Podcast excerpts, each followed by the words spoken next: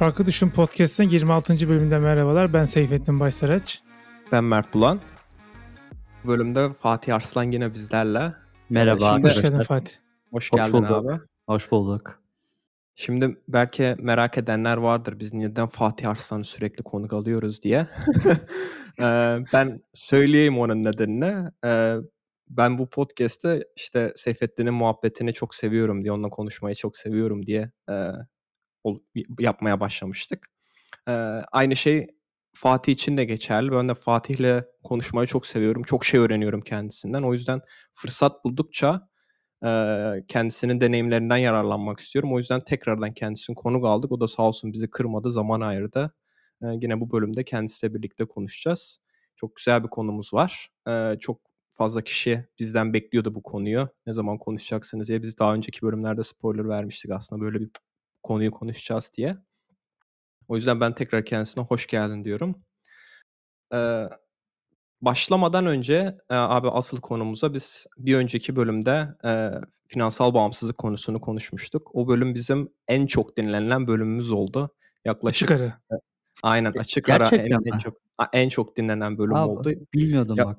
Yaklaşık 4000 kişi tarafından dinlendi ve her gün artıyordu sürekli. Sen daha önce tekrar paylaşmışsın o bölümü. Hı hı. ben şeyi merak ediyorum abi sana gelen tepkiler nasıldı? Çünkü ben onu da gördüm Twitter'da birçok kişi sana sormaya başlamış, senden tavsiye almaya başlamış. Hı hı, evet. Tepkilerden memnun muydun? Nasıldı? Ya genel olarak evet memnundum. Yani şu şekilde memnundum. İnsanların çoğu ben biliyor sanıyordum bu tarz konuları. Yani belki bir indeks fonu nedir? Vesaire gibi şeyleri biliyordur. Gerçi o biraz finansal bağımsızlıkla ilgisi yok ama yine de var gibi. Onun bir temeli sayılabilir.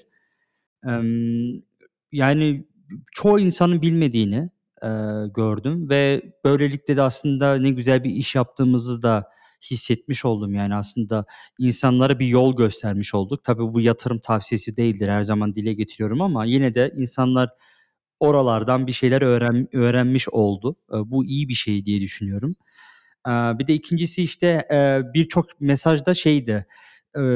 işte abi çok güzel anlatmışsın, harikaydı ama biz bu işe nasıl girişeceğiz? Hı hı. Bir sonraki adımını araştırmışlar, kafalarında yatmış, bizim söylediklerimiz mantıklı gelmiş. bir sonraki adımı merak ediyorlardı. Ben de işte onlara cevapladım, dedim işte yurt dışındaki brokerlar var işte e, yatırım kuruluş e, kuruluşları var işte Interactive Broker gibi Avrupa'da Derigo var. Gerçi biz onu kullanamıyoruz ama Türkler hı hı. daha çok Interactive Broker kullanabiliyor. Veya işte Türk bankalarının var. E, işte iş yatırım, Akbank yatırım vesaire. Onlar da onlar vasıtasıyla da yatırım yapabiliyorlar. Bir de üçüncüsü son zamanlarda çok popüler olan aslında geçen o bölümde konuşmamıştık. Onunla ilgili de mesaj geldi. Neden bahsetmediniz diye. E, Midas. E, getmidas.com galiba web sitesi. O da bizim Türkiye'deki Robinhood'un aynısı. Robinhood işte e, çok basit bir şekilde e, bir iPhone uygulamasıyla hisse satın alabiliyorsunuz yurt dışı piyasalarından. E, bu üç tane e, yol var. Üçünü de söyledim. İyi oldu yani hani genel olarak yine bu tarz konuları konuşuruz yani ilerleyen zamanlarda. Tabii. Peki abi bir de biz daha önceki bölümde Foundation dizisinden bahsetmiştik. Yine burada uzun uzun konuşmayacağız ama ben şeyi merak ettim. Dizi finalini yaptı. Kayıttan önce senden unuttun finalini seyretmeyi evet. ama e, birkaç hafta önce sen bir tweet atmıştın böyle çok şaşırdığın konusunda Hı-hı. Foundation'la. Biz ilk bölümü yaptığımızda sadece yanlış hatırlamıyorsam ilk iki bölümü seyretmiştik üçümüz de. Aynen. aynen. Ee, şimdi dizi neredeyse dizi finalini yaptı. Ben şu anki düşüncelerini merak ediyorum. Evet, ben ilk başta izlediğimde biraz özellikle ikinci, üçüncü bölümde tam da böyle ya acaba bu nereye gidiyor diye düşünüyordum ve kitabını okumadım bu arada ben. Hani kitabını okuyanlardan değilim. belirtmek istiyorum. Fakat izledikçe, izledikçe e, diziyi sevmeye başladım. Çünkü dizideki bu aslında bence dizi iki tane diziden oluşuyor.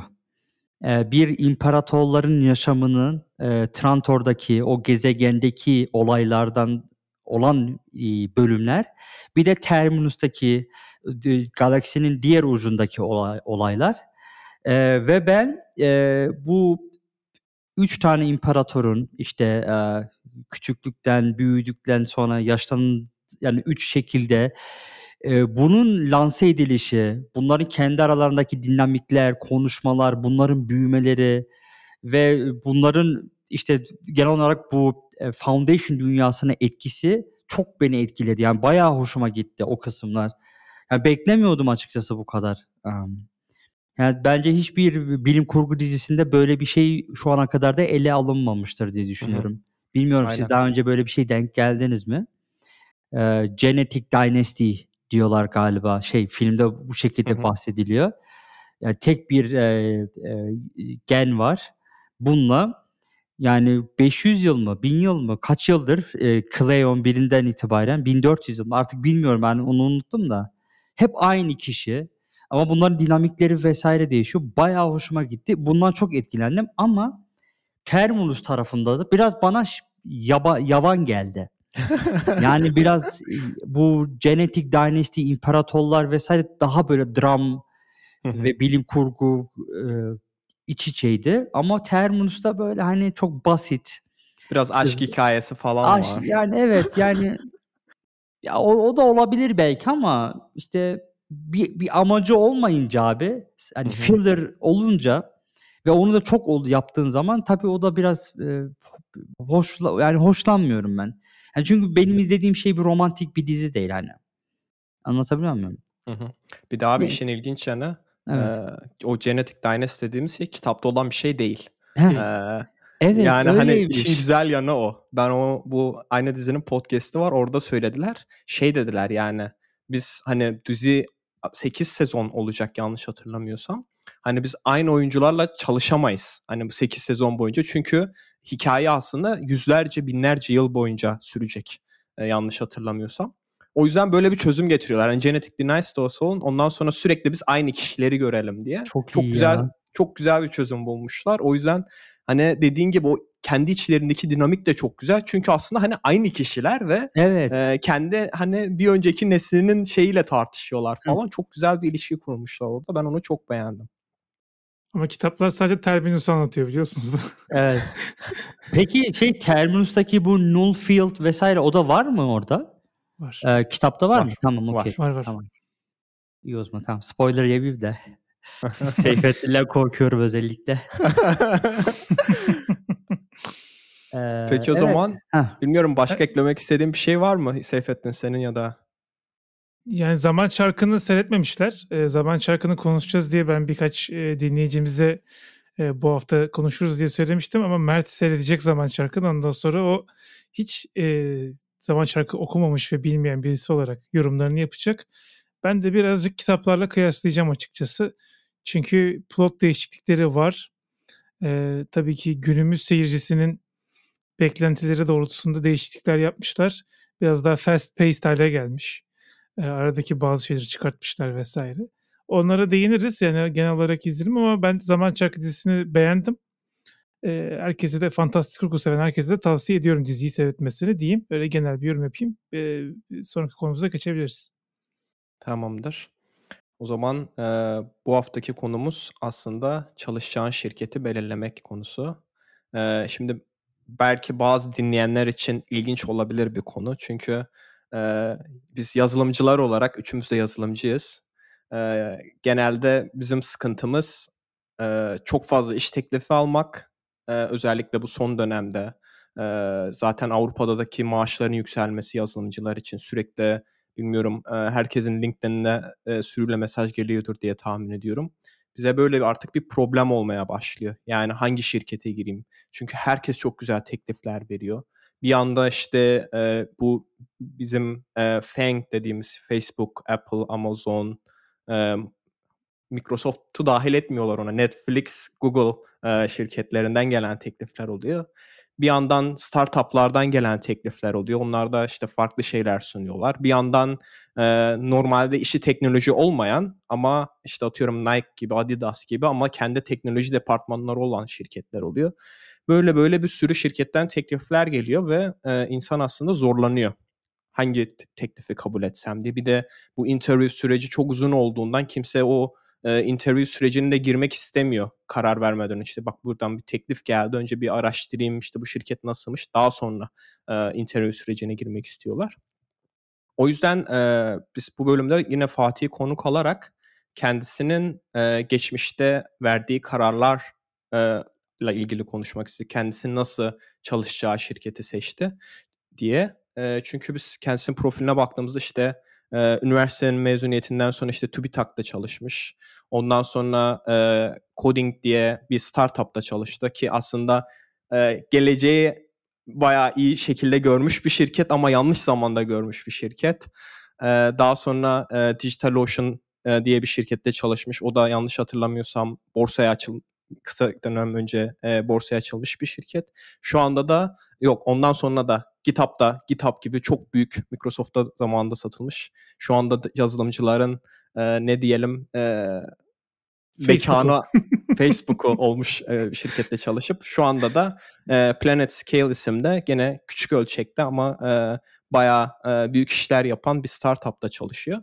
O yüzden abi ben eee, yavaştan bu aslında senin ilk iş tecrübenle başlamak istiyorum. Hı hı. bilmiyorum o zamanları eee, hatırlar mısın? Eee, belki biraz şey yapabilirsin, düşünebilirsin.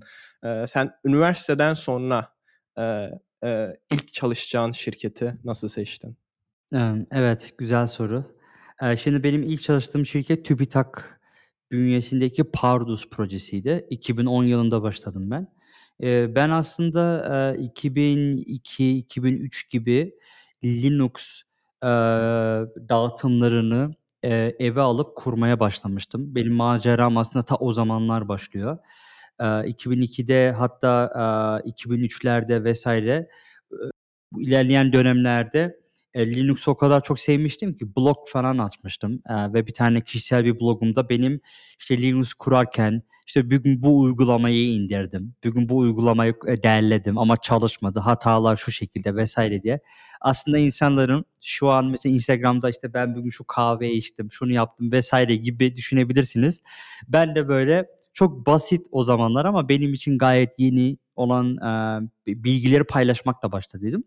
Tabii bu Linux camiasına girince ister istemez Türkiye'deki sektörü de içine girmiş oluyorsunuz ve oradaki insanlarla tanışıyorsunuz. Benim bu Pardus'u tanıma, oradaki insanları, eee, tanışmam bu şekilde başladı ve ben onlara hep şey, böyle gıptayla bakardım. Yani, hani, ya çok güzel işler yapardı. Ben o zamanlar işte liseye gidiyordum, öğrenciydim. Sonra üniversiteye başladık vs. Eee, hep böyle bir hayalim vardı. Ya bunların arasında olabilecek miyim? Ben de bunlar gibi iyi bir yazılımcı olabilecek miyim vs. diye.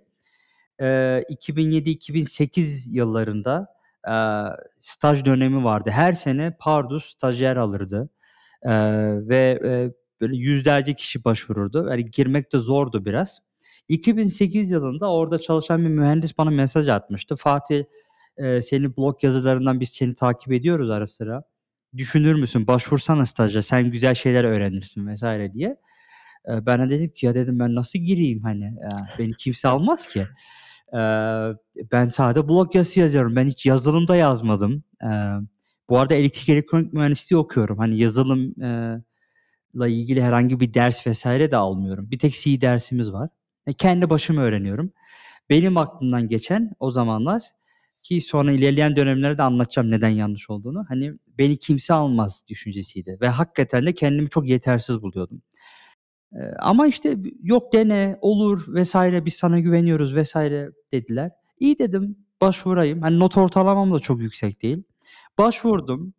Sonra, eee, kabul aldım yani, b ve bayağı da şaşırmıştım, ama çok da sevindim tabii. 2008 yılında staj yaptım. Çok güzel bir proje yaptık. Sıfırdan bir proje geliştirdiydim. Şimdi detaylarına girmeyeyim de anlatırım sonra.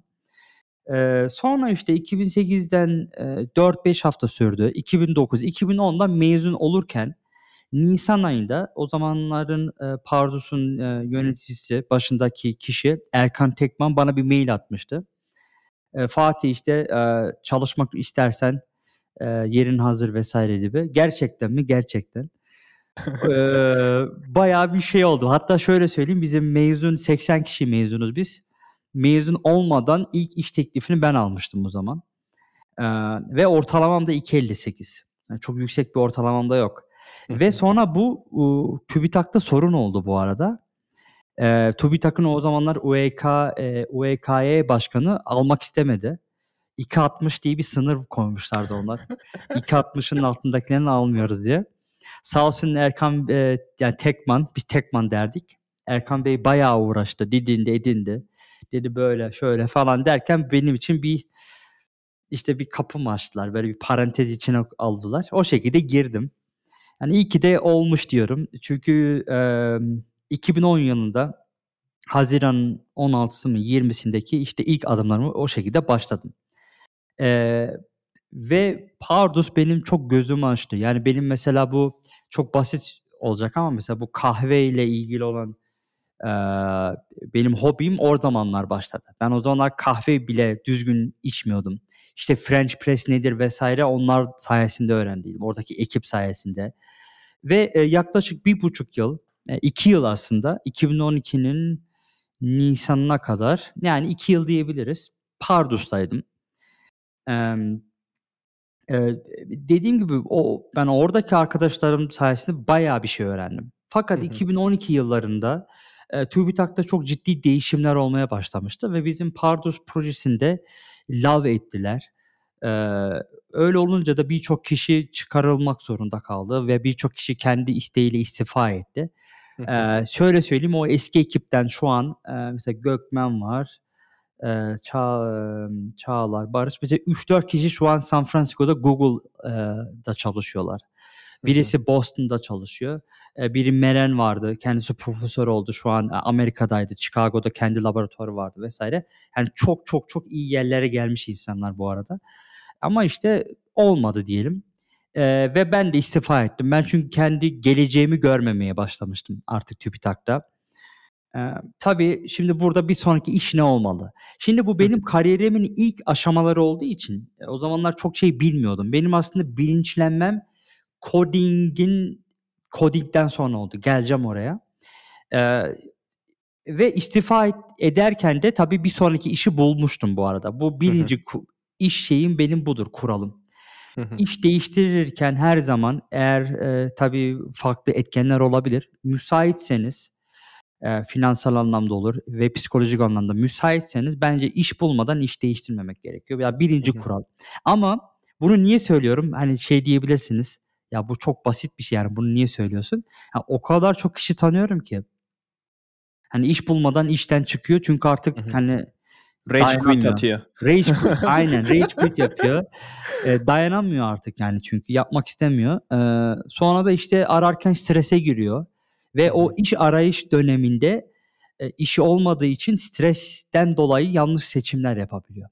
Hı. o yüzden iş bulma hani daha iyi, sağlıklı olabiliyor. Neyse, eee, benim işte o zamanlar ilk başlarda ben hani şirket de aramadım. Ben etrafa da bakmadım.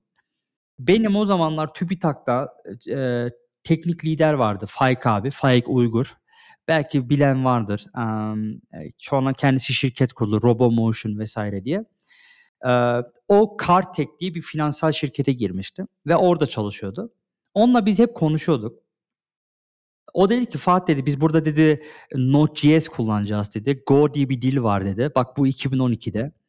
"Bunu kullanacağız." dedi. "Bunlar" dedi, "güzel teknolojiler." dedi. Eee, "İstiyorsan gel." dedi. "Aynı ekipte olmayacağız." dedi ama "Çok şey öğrenirsin." dedi.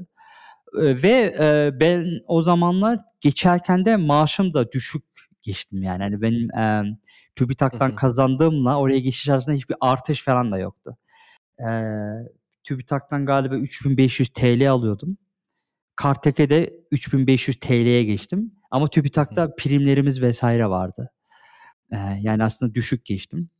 Şunu da belirtelim, yani genelde yazılımcılar iş değiştirirken minimum %20, eee, Evet. bir maaş artışı bekler. Yani, Hı hı. Bende de mesela ben de işimi değiştirirken öyle ki bende daha da fazlaydı Hı hı. %20'den. Eee, böyle bir teklif olmadan genelde kolay kolay kimse iş değiştirmez ki senin bahsettiğin bu iş bulmadan başka işe geçmeme de aslında çok burada da yaygın, Almanya'da da çok yaygın. Hani benim Alman arkadaşlarım, diğer bütün işte farklı ülkelerden arkadaşlar da imzayı atana kadar aslında. Yeni işinde imza teklif gelir, imza atılır, her şey okeylenir. Ondan sonra gidip işte, Tabii. istifasını verirler ki, eee, herhangi bir sıkıntı çıkmasın. Çok Aynen. garantici oynuyor herkes. Hem de dediğin gibi abi, yani o şey stresi bizde mesela çok, eee, ilginç. Bilmiyorum sen, eee, TÜBİTAK'a geçişin biraz daha aslında kolay olmuş senin bloğun sayesinde. Biz daha önce "Şansını Yaratmak" isimli bölümde bahsetmiştik. Bu şekilde aslında bir nevi sen noktalar yaratıyorsun hayatında. Daha sonra o yarattığın noktalar ileride, eee, işine yarıyor. Senin blog yazman da öyle olmuş. Eee, bu bu açıdan, eee, bayağı, eee, aslında, eee, faydalı bir tavsiye diyebiliriz. Yani insanlara aslında iş bulma konusunda ne yapılmaması gerektiğinden, eee, ben direkt bu sonucu çıkartıyorum yani. Eee, Güzel evet. bir çevre ve, eee, öğrendiklerini paylaşmak aslında. şimdi mesela bu ben hep bunu savunurdum Mert. Eee, çok güzel söyledin, güzel noktaya bastın. Hep savunurdum, işte, blog yazın, şunu yapın vs. diye ama 2019 yılında, eee, yaklaşık bir 10 tane Silikon Vadisi şirketiyle mülakata girdim. İşte, Google, Stripe, GitHub, Lyft, eee, vs. Twitter ve bunun biraz, eee, artık işlerin değiştiğini gördüm. Oraya gelince değineceğim tekrardan. Tamamdır. Emm Kartek'teydik abi, Evet, oradan devam Kartek'e edelim istersen. işte, böyle bir şey vardı. İşte, Kartek'e geçtim. Kartek'te çok uzun kalmadım. 8 ay kaldım. Eee, ama Kartek'in ortamı çok farklıydı. 1'incisi bakın Pardus'un ortamı biraz daha böyle yurt dışındaki startup'lar gibiydi. Ta o zamanlar bile. Çok rahattı, insanlar birbirlerine çok saygılıydı. Öyle alt üst ilişkisi vs. eee, çok böyle ince çizgiler, eee, yoktu yani. Hani, çok serbest bir şekilde herkesle konuşabiliyordunuz. Herkes birbirine çok yardımcı olurdu. Kartek'te biraz daha farklıydı. Eee, biraz daha bu, işte, finansal sisteminde bu patron şirketi olması sebebiyle, ondan sonra biraz daha bu müdür çalışkan ilişkinin daha, emm, belirgin olması, Hı hı. eee, işte, open source olması. Tabii hiyerarşi var. Open source dünyasına çok uzaklardı. Yani açık kaynak nedir, ne değildir bunları tam bilmiyorlardı. Orada bazı genel yöneticiler vardı. Eee, onlarla aram bayağı iyiydi ama. Yani, değiştirmek istiyorlardı. Vizyoner çok iyi insanlar da vardı. Onu da belirtmek istiyorum. Ama Kartek büyük bir yerdi ve benim çalıştığım bölüm, benim çalıştığım alan açıkçası, eee, çok da böyle beni tatmin etmedi. Eee, yani biz, eee, işte, hafta sonları bile böyle zorla, eee, bir şey olurdu, işte, bu çözülecek vs. gibi durumlar oluşabiliyordu. Eee, ve benim Pardus'taki o imajım da tamamen bozulmuştu. Aslında belki birçok insanın, eee, Türkiye'deki şirketler, hani, Türkiye'deki şirketlerde çalışılmaz vs. deniliyordu bundan 5-10 yıl önce. O zaman anladım, hani, ne demek istediklerini. Hı hı. Ama tabii şimdi çok güzel şirketler var, çok güzel startup'lar var. Eee, hani, bu, artık öyle değil ama eskiden, hani, biraz öyleydi. Evet. Ya, bir de şöyle bir şey vardı. Ben o zamanlar İstanbul'da yaşayanlar bilir, Kurtköy'de kalıyordum. Niye? Çünkü Gebze'deydi bizim TÜBİTAK'ın kampüsü. Eee, Marmara Araştırma Merkezi.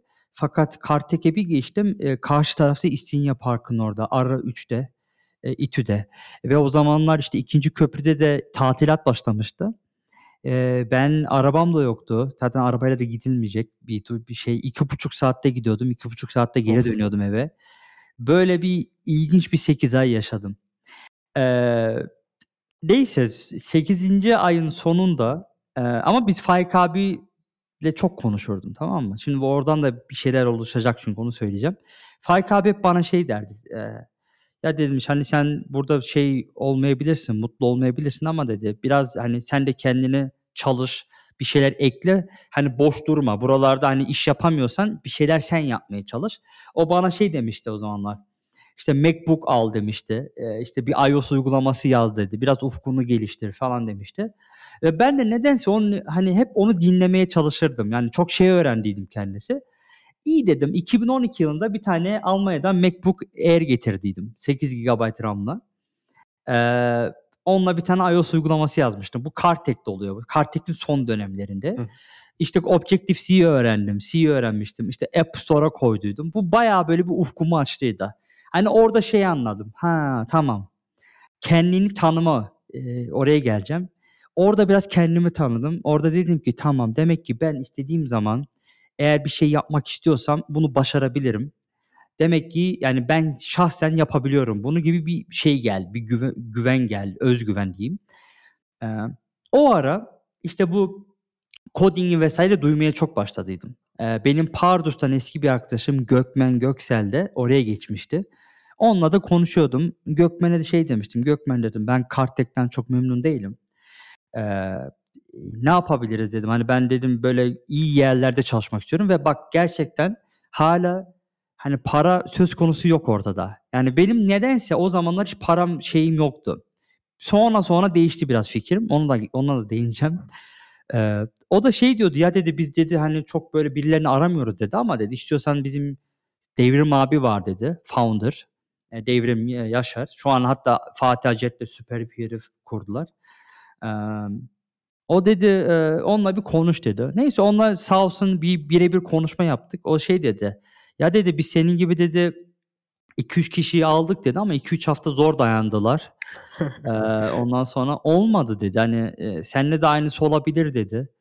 Ve orada biraz da işte benim şeyim hani ortaya çıktı. Ben dedim ki ona ben dedim diğerleri gibi değilim. Hani kafaya koyduğumu yaparım dedim. Çok çalışkanım. Araştırmayı çok seviyorum dedim. Bak dedim sana da gösterebilirim dedim. Sen bana güvenmen yeterli vesaire. Eee, o da tamam dedi bir deneyelim dedi. 3 ay boyunca dedi. Sonra bakarız dedi. Eee, ama bir yandan da Kartek'te çalışıyorum. Yani nasıl hı. olacak vesaire. Sonra işte ben bir de bu arada o aralarda böyle evlenmek arifesindeyim. Nişan nişanlandım vesaire. Böyle her şey üst üste geldi. Neyse eee, ama bir yolunu bulduk. Şöyle yapmaya başladım. Dedim ki ben bunu yapacağım. Yani ben kabuğumdan çıkmam gerekiyor. Sabah işte kalkardım. Eee, yedi, eee, sabah 8'de başlardım. Akşam 6'ya kadar Kartek'e çalışırdım. 9 8'den akşam 6'ya kadar. Eee, 1 saat bir mola verirdim 7'ye kadar. 7'de sonra coding'e e, başlardım. Coding'deki işleri yapmaya. Gece 1'e kadar. Ve ben böyle 3 ay çalıştım. Eee, eee, çok ciddi çalıştım. Ve orada işte Devrim abiye e, kendimi ispatlamaya başardıydım. Ve o Wow. zamanlar da bu arada Go falan yazmıyorum henüz. Hımm. Eee, ne yazıyordum? Ka CoffeeScript yazıyorlardı onlar. Bayağı meşhurdu. Şu TypeScript vesaire yok tabii. GS6 vesaire çıkmamış. Eee, CoffeeScript, CoffeeScript bayağı meşhurdu. Onu da Yalnız bilmiyorum. Aynen şeyi diyelim abi yatırım tavsiyesi değildir yani bu. Eee, Yok yok. sabah sabah çalışıp Değil. akşam da çalışmak. Kesinlikle değil. Bak hani ama da işte bunu da niye anlatıyorum? Yani bir yerlere gelirken insanlar kolay bir şekilde gelmeyebilir. Herkesin yolu bir değil yani. Hani bazen insanlar bakıyor dışarıdan abi adamın işi rahat ama o rahatlığa ulaşmak için de bazı insanlar farklı şekilde çalışmak zorunda kalabiliyor yani. Ama bazı insanlar daha rahat. Eee, mesela eskisi gibi değildi. Hani şimdi paralar yağdırıyor diyorlar ya. Yani o zamanlar hı. öyle değildi ki. Doğru. Yani iyi yerlere gelebilmek çok zordu. İ bloglar vesaire yoktu. İnsanlar paylaşıyordu ama bu kadar yaygın değildi. Mentorluk vesaire çok yoktu. Hani, eee, hani be be ben de bilmiyordum açıkçası. Dedim hı. yani kariyerimin ilk başlarındayım. Bir de abi bu, eee, coding'i bu kadar çok istemenin nedeni, eee, Gökmen demiştin yanlış E hatırlamıyorsam. hı. O arkadaşın mıydı sadece yoksa atıyorum çünkü bu coding yanlış hatırlamıyorsam San Francisco merkezli bir startup'tı. Evet, Yani, yani hani, başka etkileri de var mıydı? Hani, Tabii, neden bu tabii. kadar çok istedin? Ben niye çok istedim? Benim mesela ben Almanya'da doğup büyüdüm. Almanya'daki ortaokul yıllığımız vardı. Biz ayrılmadan önce orada yazıyor ne olmak istiyorsunuz diye. Benim 2 tane şey var orada. Eee, DJ olmak, müzik yapıyordum. Hani müzikle ilgili bir şey yaparım diye işte. 2'ncisi de, eee, informatika yani yani yazılım mühendisi olmak. Yani uzaktan ve üniversitede de hep söylerdim işte ben uzaktan Amerika'ya çalışmak istiyorum vesaire. Bu benim hayalim diye. E, böyle gülüşürdük hep aramızda. Hani kimse benimle de şey yapmazdı ama benim kafamda vardı yani ben yapmak istiyordum diye. Coding'deki sebep aslında Amerika'dan ziyade ortam. Yaptıkları Hımm. iş çok fütüristikti. Yani böyle çok hoşuma gidiyordu. Ve ben bir bilim kurgu aşığıyım. Hani böyle web browser'dan, bir tarayıcıdan, eee, online, eee, IDE var yani. Tıklıyorsun bir Ubuntu açılıyor, bir terminal var ve hiçbir şekilde yani her şeyini online yapabiliyorsun ve o zamanlar 2012'de bunlar çok ciddi şeyler. Emm Hı hı. Kısaca şey diyelim aslında yaptığınız şey şu an, eee, GitHub'ın CodeSpace ile Tabii. yaptığı böyle Birebir noktaya aynısı. basıp çat diye sana Visual Studio Code'u açıp senin Hı kodlayıp hı. oradan çat diye, Aynen. eee, pushlaman, eee, VS Code. Aynen. VS Code, eee, online ya da neydi server aynısı yani aynısı. Hı Bizim hı. tek şeyimiz o zaman coding'de çok erkendik biz. Aynen. Bayağı erkendik. Neyse, Bir de Heh. Hı. Şeyden diyecektim, ekipten bahsettin. Çünkü ben orada çalışan birkaç kişi daha tanıyorum. Yanlış hatırlamıyorsam Fatih Kadir Akın, biz daha önce onun Evet, kendisine evet. konuk almıştık. O O da orada çalışıyordu. Evet. Yani orada, eee, Fatih Acet de yanlış Evet. hatırlamıyorsam coding'de Hı hı. çalışıyordu. Yani Onlar böyle benden sonra hakikaten geldiler. He, onlar hı. yoktu orada. Eee, ben girdikten sonra benim Hımm. girdiğim dönemlerde girdi onlar da. Yani, eee, benim ama eee, ilk girdiğimde sadece Gökmen vardı benim tanıdığım. Hı hı. Eee, işte, eee, Bahadır vardı. Yine Pardus'tan, eee, Bahadır Kandemir. Böyle birkaç kişi vardı ama o, işte, mesela Cihangir çok yakın bir arkadaşım. Fatih Acet bunlar, eee, çok yakın arkadaşlarım. İşte FK, Fatih Kadir Akın, eee, onlar sonradan geldi ama Acet'le Cihangir başlarda vardı. Eee, işte neyse ben 3 ay çok çalıştım vs. O de Devrim abi dedi ki "Tamam." dedi. Eee, "İstiyorsan" dedi, "sen artık full time başla buradan." Eee, tam da böyle evlenmeden önceki dönemler dediğim gibi. Eee, evlenmeden 3 ay önce ve bu benim yine 3. işim olacak ve tabii insanlarda bir soru işareti. Hani bu niye durmadan iş değiştiriyor vs. Hı hı. O oldu tabii. Hı hı. Eee, Ya, ama şeye de çok kısa abi araya Evet. ben gireyim. Hı hı. Eee, bu çok fazla iş değiştirmek çünkü ben daha önce, işte, bu, eee, HR odaklı bir, s eee, şirkette çalışıyordum. Bu bu direkt aslında red flag olarak çıkıyor recruiter'lar için. Evet. Eee, çünkü bakıyorlar senin CV'ne, işte, 1 yıl çalışmış, değiştirmiş. Bir şirkete geçmiş, 1 yıl çalışmış, geçmiş. Ondan sonra diyorlar ki demek ki bu tutunamıyor ya da bir Evet. şeyleri yapamıyor diye düşünüyorlar. O yüzden öyle çok araya, eee, bu bilgiyi de şey yapayım dedim, Tabii, tabii. dedim. Eee, yani bu benim ilk başta o Kartek 8 ay zaten kısa bir dönem baktığın zaman. Hı hı. Ama, hani, oradan, eee, benim mesela ayrılırken, hani, mutsuz ayrıldığım tek yer diyebilirim şu ana kadar. Ama, işte işte, o da o o şekilde denk geldi. Yapacak bir şeyim yoktu. Eee Ama coding'de abi 3 yıl çalıştın. 3 yıl boyunca. eee, 3,5 yıl vs. bayağı ciddi çalıştım orada. Coding'e, işte, eee, sonra Kartek'ten istifa ettim. Direkt coding'e başladım. Tabii orada işler çok değişti. Coding'de çok ciddi fazla çalıştım. Yani bu startup'ta, hani, çok fazla over, hani, burnout da oldum hatta. Hı hı. Zaten burnout olduktan sonra iş değiştirdiydim. Emm, böyle günde 12 saat, 15 saatler, eee, işte, gece, eee, bizim sunucularımız çökerdi. Onları ayağa kaldırmak için gece 2'ler, 3'lere kadar çalışırdık. Sabah 4'te 5'te uyanırdım. Yani çok ciddi bir böyle çalışma temposu vardı o zamanlar. Ve ilk startup tecrübemdi. Yani Pardus vs. startup değildi. Oralar biraz daha rahattı. Biraz Hı daha hı. böyle Google'vari, şu an GitHub'vari gibiydi gerçekten. Çok güzeldi ama böyle tempolu bir yer değildi. Ve benim, eee, burada yine, yani, iş seçimi hakkında konuştuk ya, Hı hani, hı. ben çok araştırmamıştım bak. Yine öyle bir şey olmamıştı. Ama, eee, ben her zaman coding'deki yani coding'de benim hep şey olmuştur, böyle 2 şey var. Bir yandan çok çalıştık de hep böyle konuşuruz arkadaşlarımızla. Ya, bu kadar olmamalıydı. Biraz daha rahat olabilirdik. Biraz toyluğumuza geldi. Konusu çok açıldı gerçekten. Ne yalan söyleyeyim, bu çok vardı ama bir yandan da mesela arkadaş Cihangir'le, Acet'le konuştuğumda vs. de biz çok şey öğrendik, hani. Benim mesela coding'de Go yazmaya başladım ve ve Vim kullanıyordum. Eee, yani 5-10 yıldır, işte, 2005'lerde falan başladım. Ben Vim'le Go yazamadığım için Vimgo diye bir şey, eee, bir repository oluşturmuştum. Mesela bir proje yazmaya başlamıştım. Şu an 14.000 tane yıldızı var. Yani, eee, dünyanın Go yazıyorsanız, Vim editörü kullanıyorsanız yegane pro plugin'lerden bir tanesi hâline geldi. O coding zamanında ortaya çıktı. Veya mesela benim Go projesine yaptığım katkılar, benim Go kütüphaneleri vs. bunlar hep coding zamanında ortaya çıkmış şeyler. Hı hı. Ya, ve ben, yani, eee, bu çok çalışmanın sayesinde onları hep ortaya koyduydum. Hı hı. Eee, hani, biraz daha rahat çalışsam olur muydu? Şu anki kafa yapısında olsaydım olabilirdi ama o zamanlar gerçekten bilmiyordum. Yani nasıl çalışmam gerektiğini de bilmiyordum. Eee, yani benim yazılım serüvenim de böyle dedim ya, eğitimim yoktu diye. Hep böyle düşe kalka, düşe kalka, düşe kalka öğrendim her şeyi.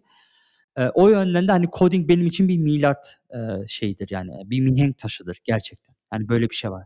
Fakat bu çok çalışmanın sonunda burnout oldum. Eee, artık kafam kaldırmaz oldu. İçimden gelmiyordu birçok şeyi yapmak.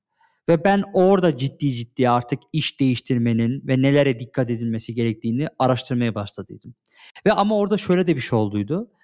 Benim bu Go camiasına yaptığım desteklerden dolayı birçok insanla tanıştım. Beni Go camiasında herkes tanımaya başladı. İşte bu noktalardan bir tanesi dedin ya sen biraz önce. Hı hı. Bu da Onlar- ikincisi Bu, muhtemelen. bu da ikincisi oldu. E, recruiter'lar vesaire. Ee, ve yani çok acayip şeyler yaşadım burada. Bak mesela iş değiştireceğim ya. Araştırmaya başladım. Çok meşhur bir tane blog yazısı var. Onun herkesin okumasını tavsiye ederim.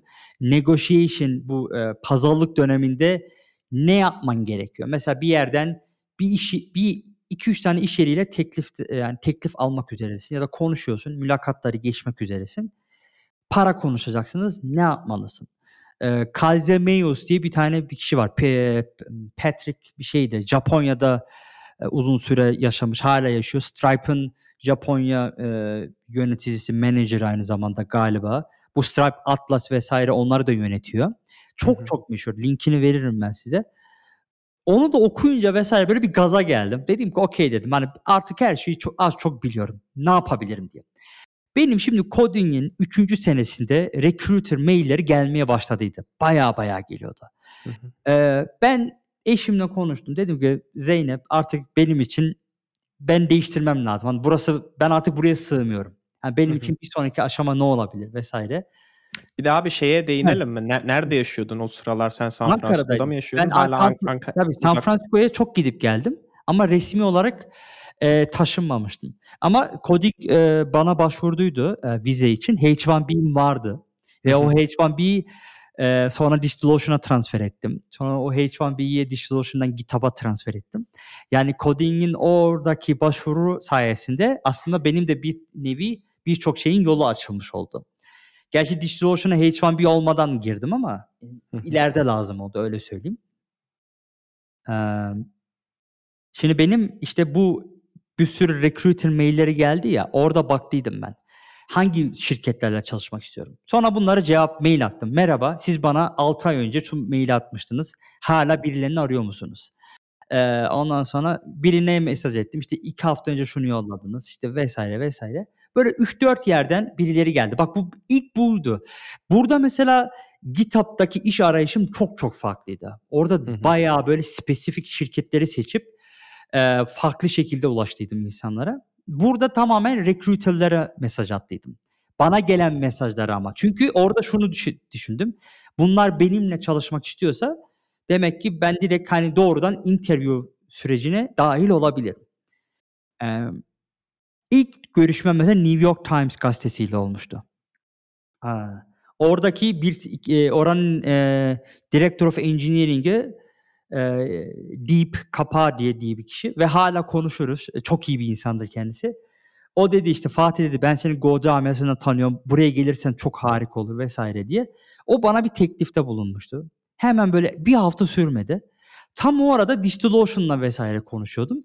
DigitalOcean onların verdiği teklifin %30 daha fazlasını verdi bana. Sonra eee ben DigitalOcean'la görüşmeye başladım ve DigitalOcean nedense hep benim bu kafamdaki ideal şeydi. Yine böyle benim çalışmak istediğim bir şirketti. Böyle developer tooling yani eee, geliştiriciler için ürün üretiyorsun. Hı hı. Eee, çok ilginç. Mesela benim şu ana kadar çalıştığım tüm şirketler hep geliştiriciler için ürün geliş şey yapıyor.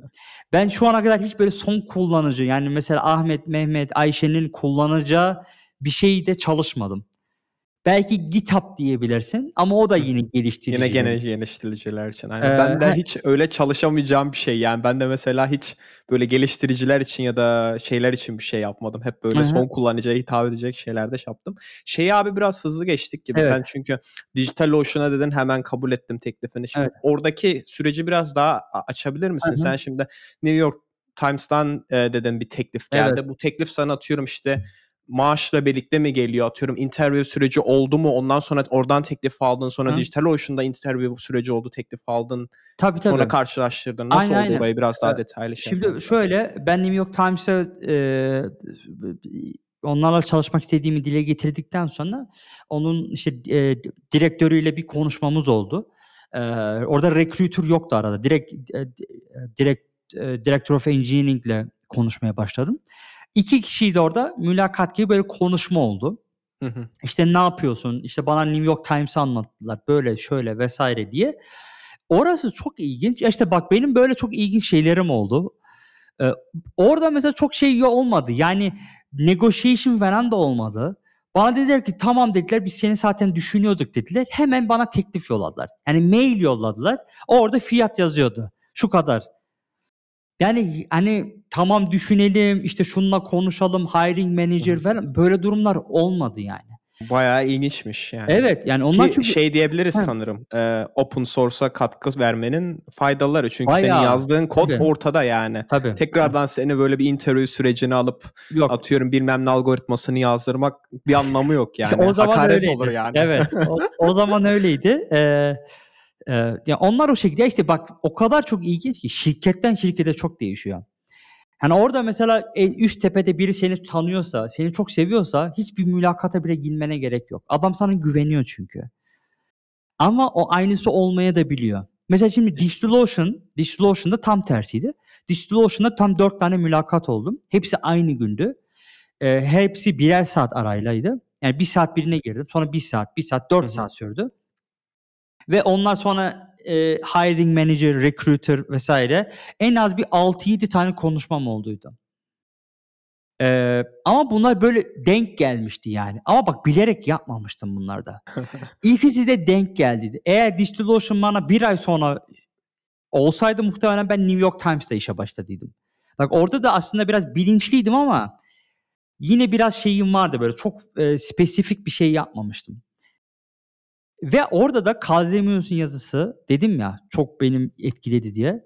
DigitalOcean bana böyle inanılmaz güzel bir teklif bulunmuştu. Ve ben dedim ki bu, bu çok az ben bunu kabul etmiyorum demiştim. Bak neyine güvenip bunu yapıyorsun?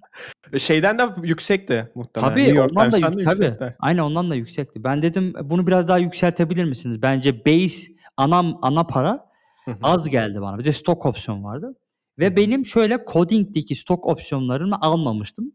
Çünkü hani coding'in geleceğini ben iyi görmemiştim. Ee, ve nitekim de coding'in şu an mesela hiçbir şeyi kalmadı. Ee, ve o yüzden de stok opsiyonuna çok ben yoğunlaşmamıştım. Ben şey hı. demiştim. Benim ana maaşım yüksek olsun. Hı hı. Stok opsiyonlar düşük olsun Hı hı. Bir de çok kısa abi stok opsiyon aslında sana direkt hisse verilmesi değil, sana düşük fiyattan hisse alımına eee, Evet. eee, ver, izin verilmesi. Ona Aynen. kısaca değinelim çünkü hani yok kimse bedava gelecek hisseye yok demez ama işte opsiyon olduğu için eee, sen bir nevi aslında şirkete güvenip yatırım yapmış oluyorsun. Sen ondan vazgeçmişsin. Evet yani e, stock option satın alma opsiyonu yani opsiyon oradan geliyor. Hı hı. Sana şirkette hisse veriyorlar. Onlar sana ait değil. Bunları her 4 sene içinde satın alabiliyorsun. Böyle bir opsiyonun var. O yüzden opsiyon var. Her sene %20'şin 25'ini veriyorlar. Çünkü amaçları 4 sene boyunca seni tutmak. Ee, işte bahsetmiştim ya Golden Handcuff diye. Zaten finansal bağımsızlık şeyinde de podcast'inde de herhalde dile getirmiştim bunu. Ee, ve ben ona güvenmiyordum. Ben dedim ki yani benim ağzım yandı. Ben stok opsiyon yani bir işe yaramayabilir. Paper money diyorlar hatta ona. Kağıttan para. Çünkü yani şirket ya yükselebilir ya da inebilir. Aynen. Yani onun paraya dönüşebilmesi için aslında şirketin ya halka arz olması Ya da gerekiyor ya da satılması. satın alınması Aynen. gerekiyor. Atıyorum Microsoft tarafından falan. Aynen. E, acquisition olması lazım. Aynen. Aynen. Yani ve her şirkette olmuyor. Yani oran bir bunun bir oranı vardı galiba. Yüzde beş mi, yüzde bir mi ne startupların bu şekilde olması. Yani oran çok düşük. İstatistiksel olarak o yüzden herkese aynı şeyi tavsiye eder. Ben de aynı şeyi tavsiye ediyorum. Senin çalıştığın şirket e, çok iyi bir yerdeyse yani bunu muhtemelen anlarsın zaten. Hı hı. Ki her zaman elinden geldiğince base maaşı yükseltmeye çalış. Yani bu opsiyonlu startuplar için konuşuyorum. E, fund gibi e, işte borsada işlem gören ve doğrudan hisse veren yani hissenin e, karşılığı olan hisseler verilen RSU RSU. veriyorlarsa veriyorlarsa tabii orada bayağı RSU almaya çalış. Şirkete güveniyorsun çünkü o şekilde giriyorsun. Ee, ama Kazemius şunu diyor bak o blog yazısında. Ee, interview süreci diyor çok maliyetli bir iş diyor. Yani bir şirketin seni interview'e alabilmesi için e, her bir mühendisi toplantıya çağırıyor. Bu toplantılar 1, 2, 3 değil onlar kendi aralarında toplantıya giriyor. Seni interview'e sokuyor.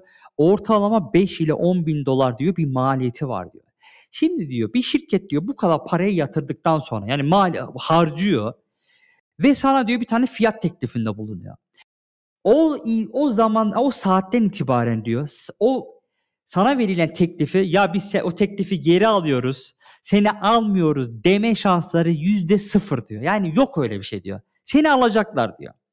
Hani hani biz hep diyoruz ya ya işte maaş küçük acaba biraz yani maaş düşük fazla mı söylesem ya da maaş çok şey. O da diyor ki Kazimius'un blog yazısında elinden geldiğince ya çok çok böyle aklının karıştıran yüksek miktar olsa bile evet deme diyor. Deme diyor. Çünkü diyor sen masada para bırakıyorsun diyor. Onlar seni alacak diyor. Bu garanti diyor.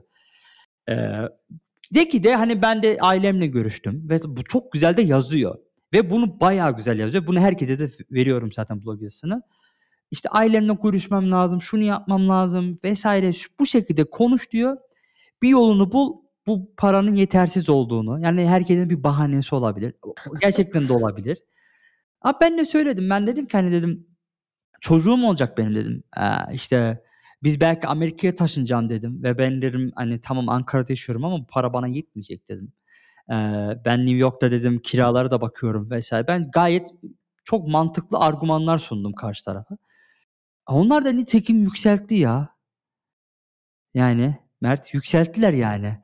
Yani e, orada da bir böyle bir şeyim oldu. Aydınlanma. Aydınlanma oldu. Ben şey merak ettim abi sen çünkü bu da mesela en çok tartışılan konulardan bir tanesi. Hı hı. Ben böyle şu, şuralarda böyle çevremde çok kişi iş değiştiriyor. Ee, genelde şey diyorlar mesela genel ilk interview yaptığında işte rekruterle konuşuyorsun. Böyle bir initial interview hı. Orada mesela recruiter şeyi soruyor. Maaş beklentini soruyor. Evet. Benim mesela bazı arkadaşım diyor ki ben diyor maaş beklentisini vermem diyor. Aynen. Öyle devam ederiz lazım. diyor. Hı hı. Ama bazısı da veriyor mesela şu andaki ne kadar kazandığını söylüyor. Bazısı mesela ben mesela e, hani beklentimi söylemiştim direkt.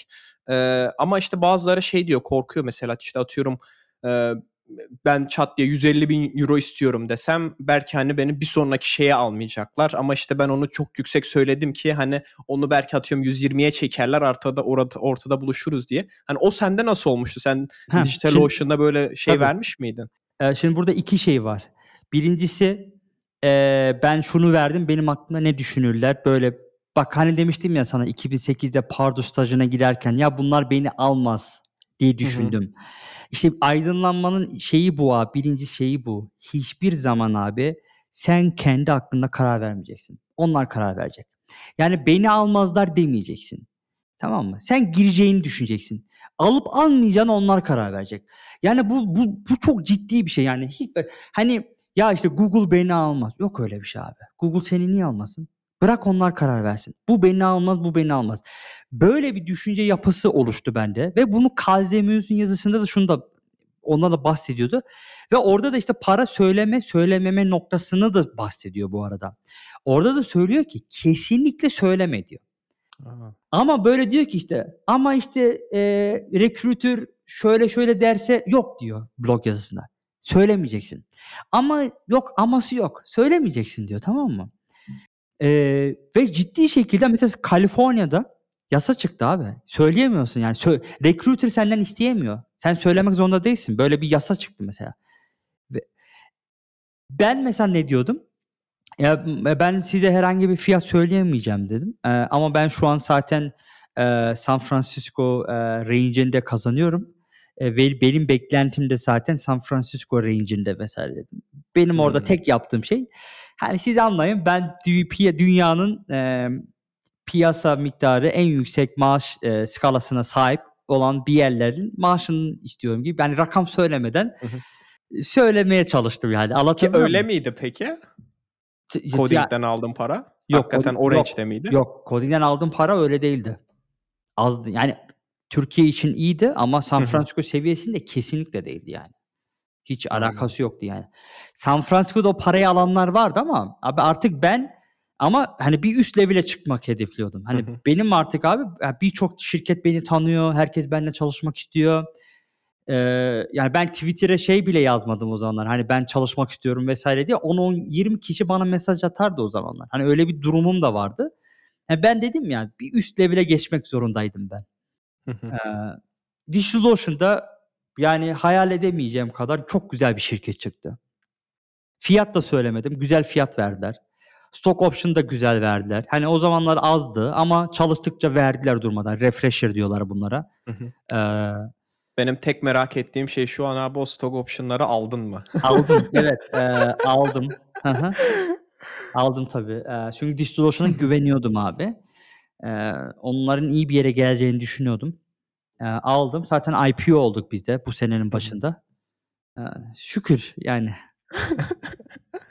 Güzel oldu. Herkes herkese nasip olsun diyeyim. Peki abi, Hı. eee, DigitalOcean'dan sonra, eee, Heh. orada da ben bakıyorum dediğin gibi 3 yıldan fazla çalışmışsın Evet. gene. Herhâlde en çok çalıştığın, eee, şirketlerden bir tanesi Evet, oldu aslında diye 3 yıl da tahmin değil. Tam böyle 4 yıla yakın çalıştım orada. Ya bıraksan daha da çalışırdım herhâlde, eee, Mert. Aaa, bayağı çalışırdım. Seviyordum. DigitalOcean'da çok şey öğrendim. DigitalOcean'da ürün geliştirmeyi, daha çok böyle product ve insanlar tarafından kullanılan ürünler geliştirmeye başladım. Coding'de ürettiğim şeyi henüz satmaya çalışıyorduk. Yani Hı hı. market, eee, fit var ya, onu yapmaya çalışıyorduk. Bulmaya çalışıyorduk kim kullanır, kim kullanmaz diye.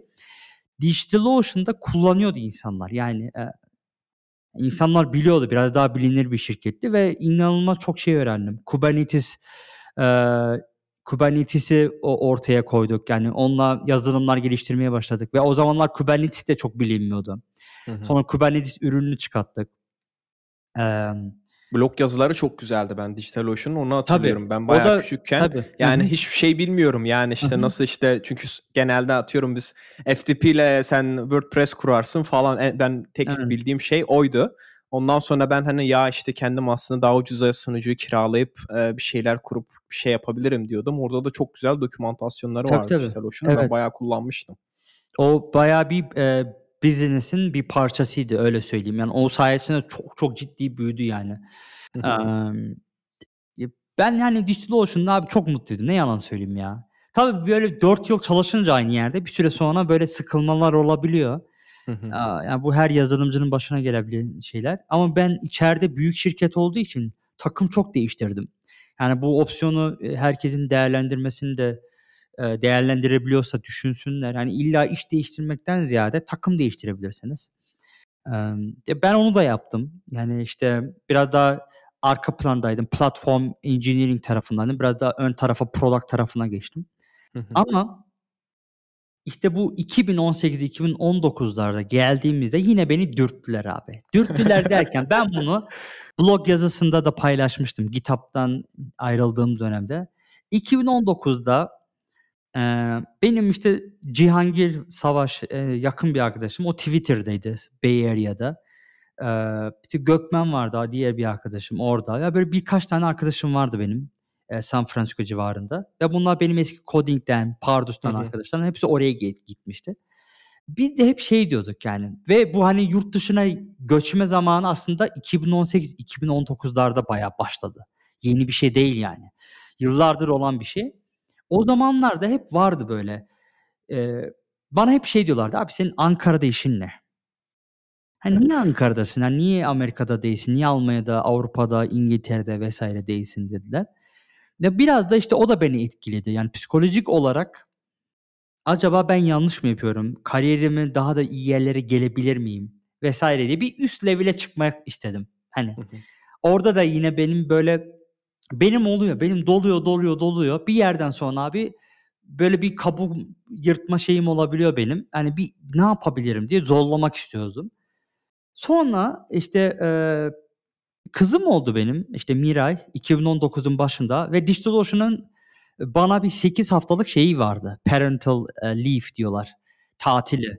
Ben onu sadece 4-5 haftasını kullandıydım. Geri kalan 2-3 haftası da Ramazan bayramında, Ramazan'da falan kullanmıştım ve paylaştırmıştım ama genel olarak 8 haftalık bir tatilim şeyim vardı, paketim. Çocuğunla ilgilen diye. Kullandım da. Kızımla bayağı bir ilgilendim ama Bu aynı zamanda benim için de fırsattı. Eee, hatta bununla ilgili de bir Reddit'te subreddit var. Parental leave alanların yaptığı şeylerle ilgili. Çok acayip hikayeler var.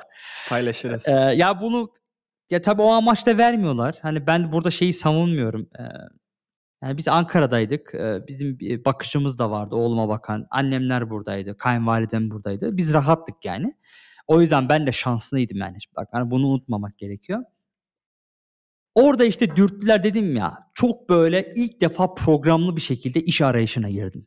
Dedim ki okey ben yapmak istediğim şeyler var. Hı hı. Nasıl iş seçerim? Aslında podcast'in şeyi de bu. şi- çalışacağım şirketi nasıl belirlerim? Birincisi eee, burada o kadar çok etken vardı ki.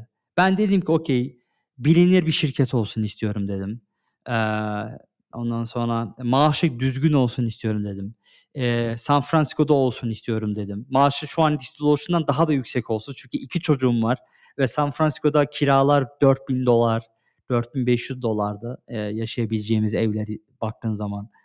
İleride büyüyebileceğim bir alan olsun istediydim. Ya böyle bayağı bir sıralamıştım. Eee, çalışma ortamı yine DigitalOcean gibi olsun, rahat olsun, gidip gelebileyim. Çok hiyerarşi olmasın ama biraz düzen olsun. Çünkü çok hiyerarşi olmayan yerlerde de sıkıntılı eee, şeyler yaşadım. Hani mesela coding'in o ilk dönemlerindeki gibi. Eee Hatta bununla ilgili de benim DigitalOcean'a bir tasarımcı, designer arkadaşım bir tane Google Spreadsheet'i var. Böyle 30-40 tane madde var. Şirket her böyle bir tane eee, sütun ekliyorsunuz. Yukarıya şirket A diyorsunuz. Şirket B. Yan yana diziyorsunuz. Sonra diyor işte mesela perk'ler mesela işte stock opsiyon. İşte her birine puan veriyorsunuz. İşte location puanı. İşte perk'ler işte eee, para veriyorlar mı? Signing bonus var. İşte o var mı? Şu var mı? Çalışma ortamı nasıl? Eee, kariyer growth var mı? Böyle her şeyle puan veriyorsun. En altta sonra böyle puanlar birikiyor. İşte böyle gösteriyor işte bu 90 puan, bu 180 puan. Aslında o benim arkadaşım da GitHub'a o şekilde geçtiydi. Baktı böyle o tamam GitHub ve bir şirket en yüksek puan alanlar. Ben bunları hedeflediğim diye böyle bir şey. Onun da linkini paylaşırım. Hala paylaşıyor ara sıra. Eee Sonra böyle şirketleri dizdim. Eee, GitHub vardı, Google vardı, eee, Airbnb vardı, eee, Slack vardı, Twitter vardı, VMware vardı. Eee, ama çok ilginç. Mesela Amazon'a, Facebook'a vesaire başvurmamıştım. Neden abi? Hiç işte. Anlıyor musun? Düşün, düşüp böyle bazen oluyor yani. Düşünemiyorsun yani. Aklına gelmiyor ya. Hiç aklıma gelmedi mesela.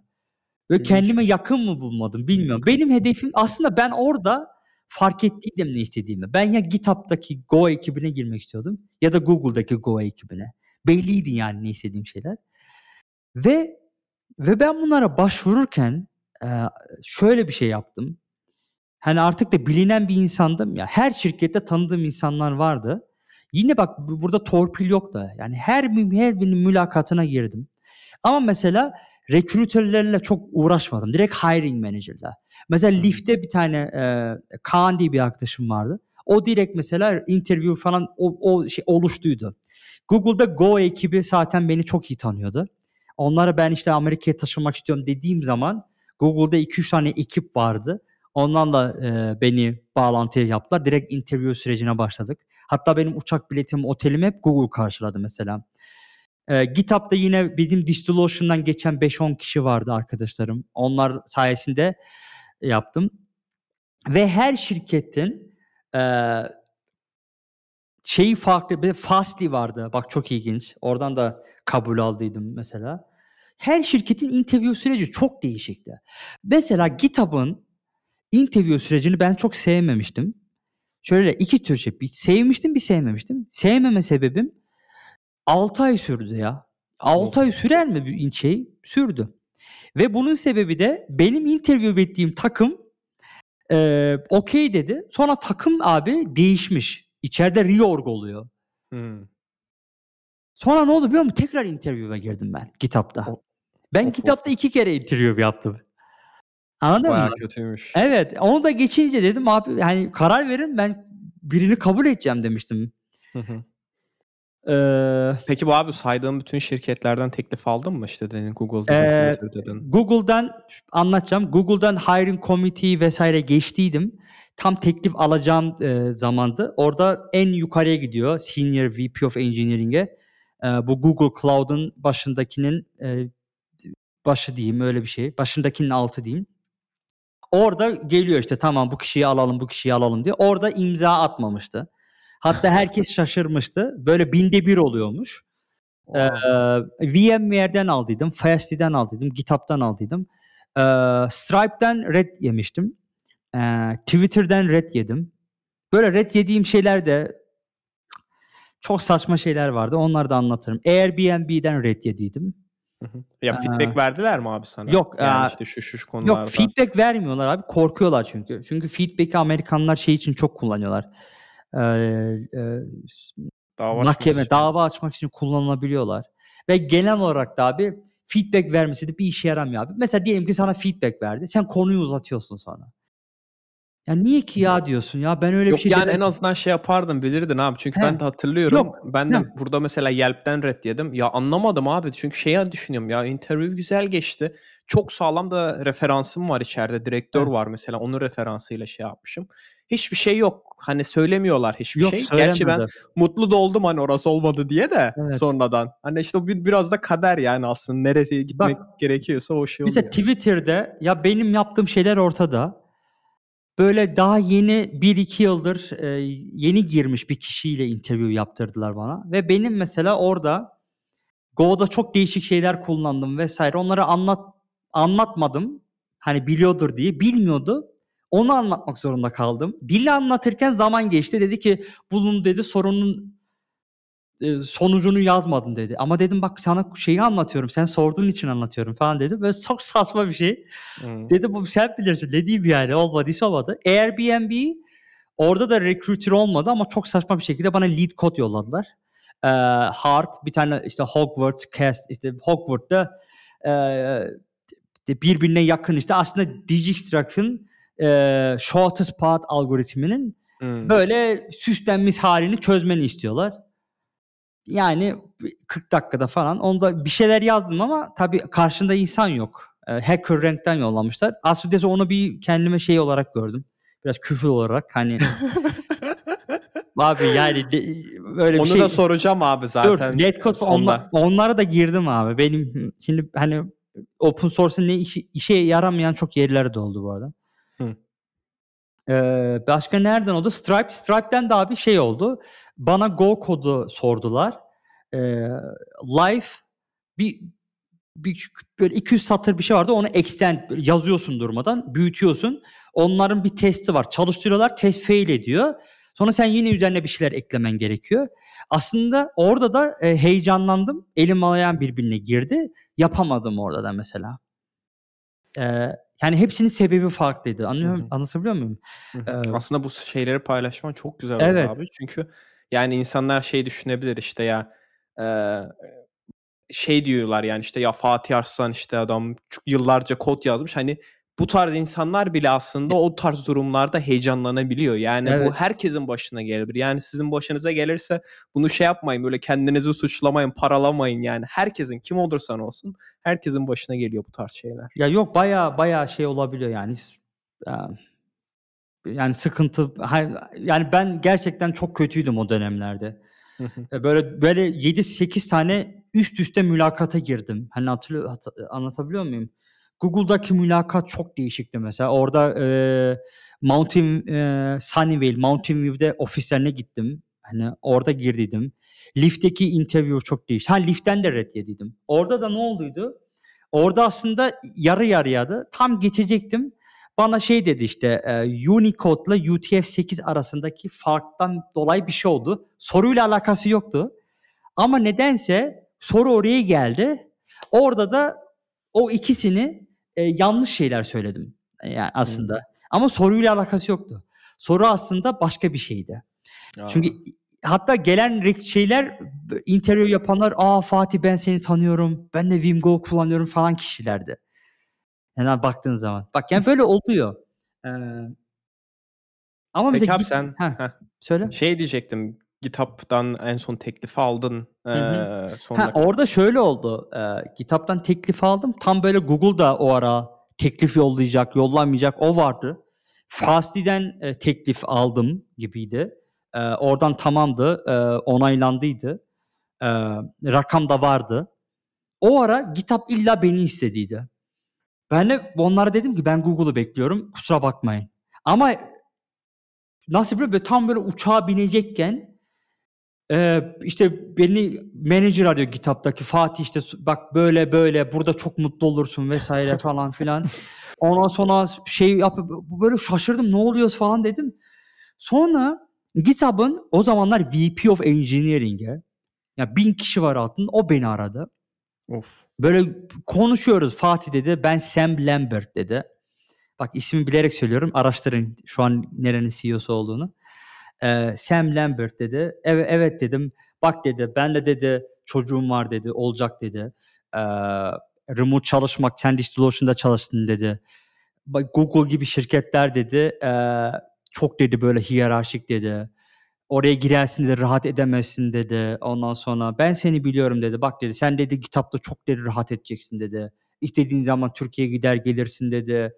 Biz burada dedi çok güzel işler yapıyoruz dedi.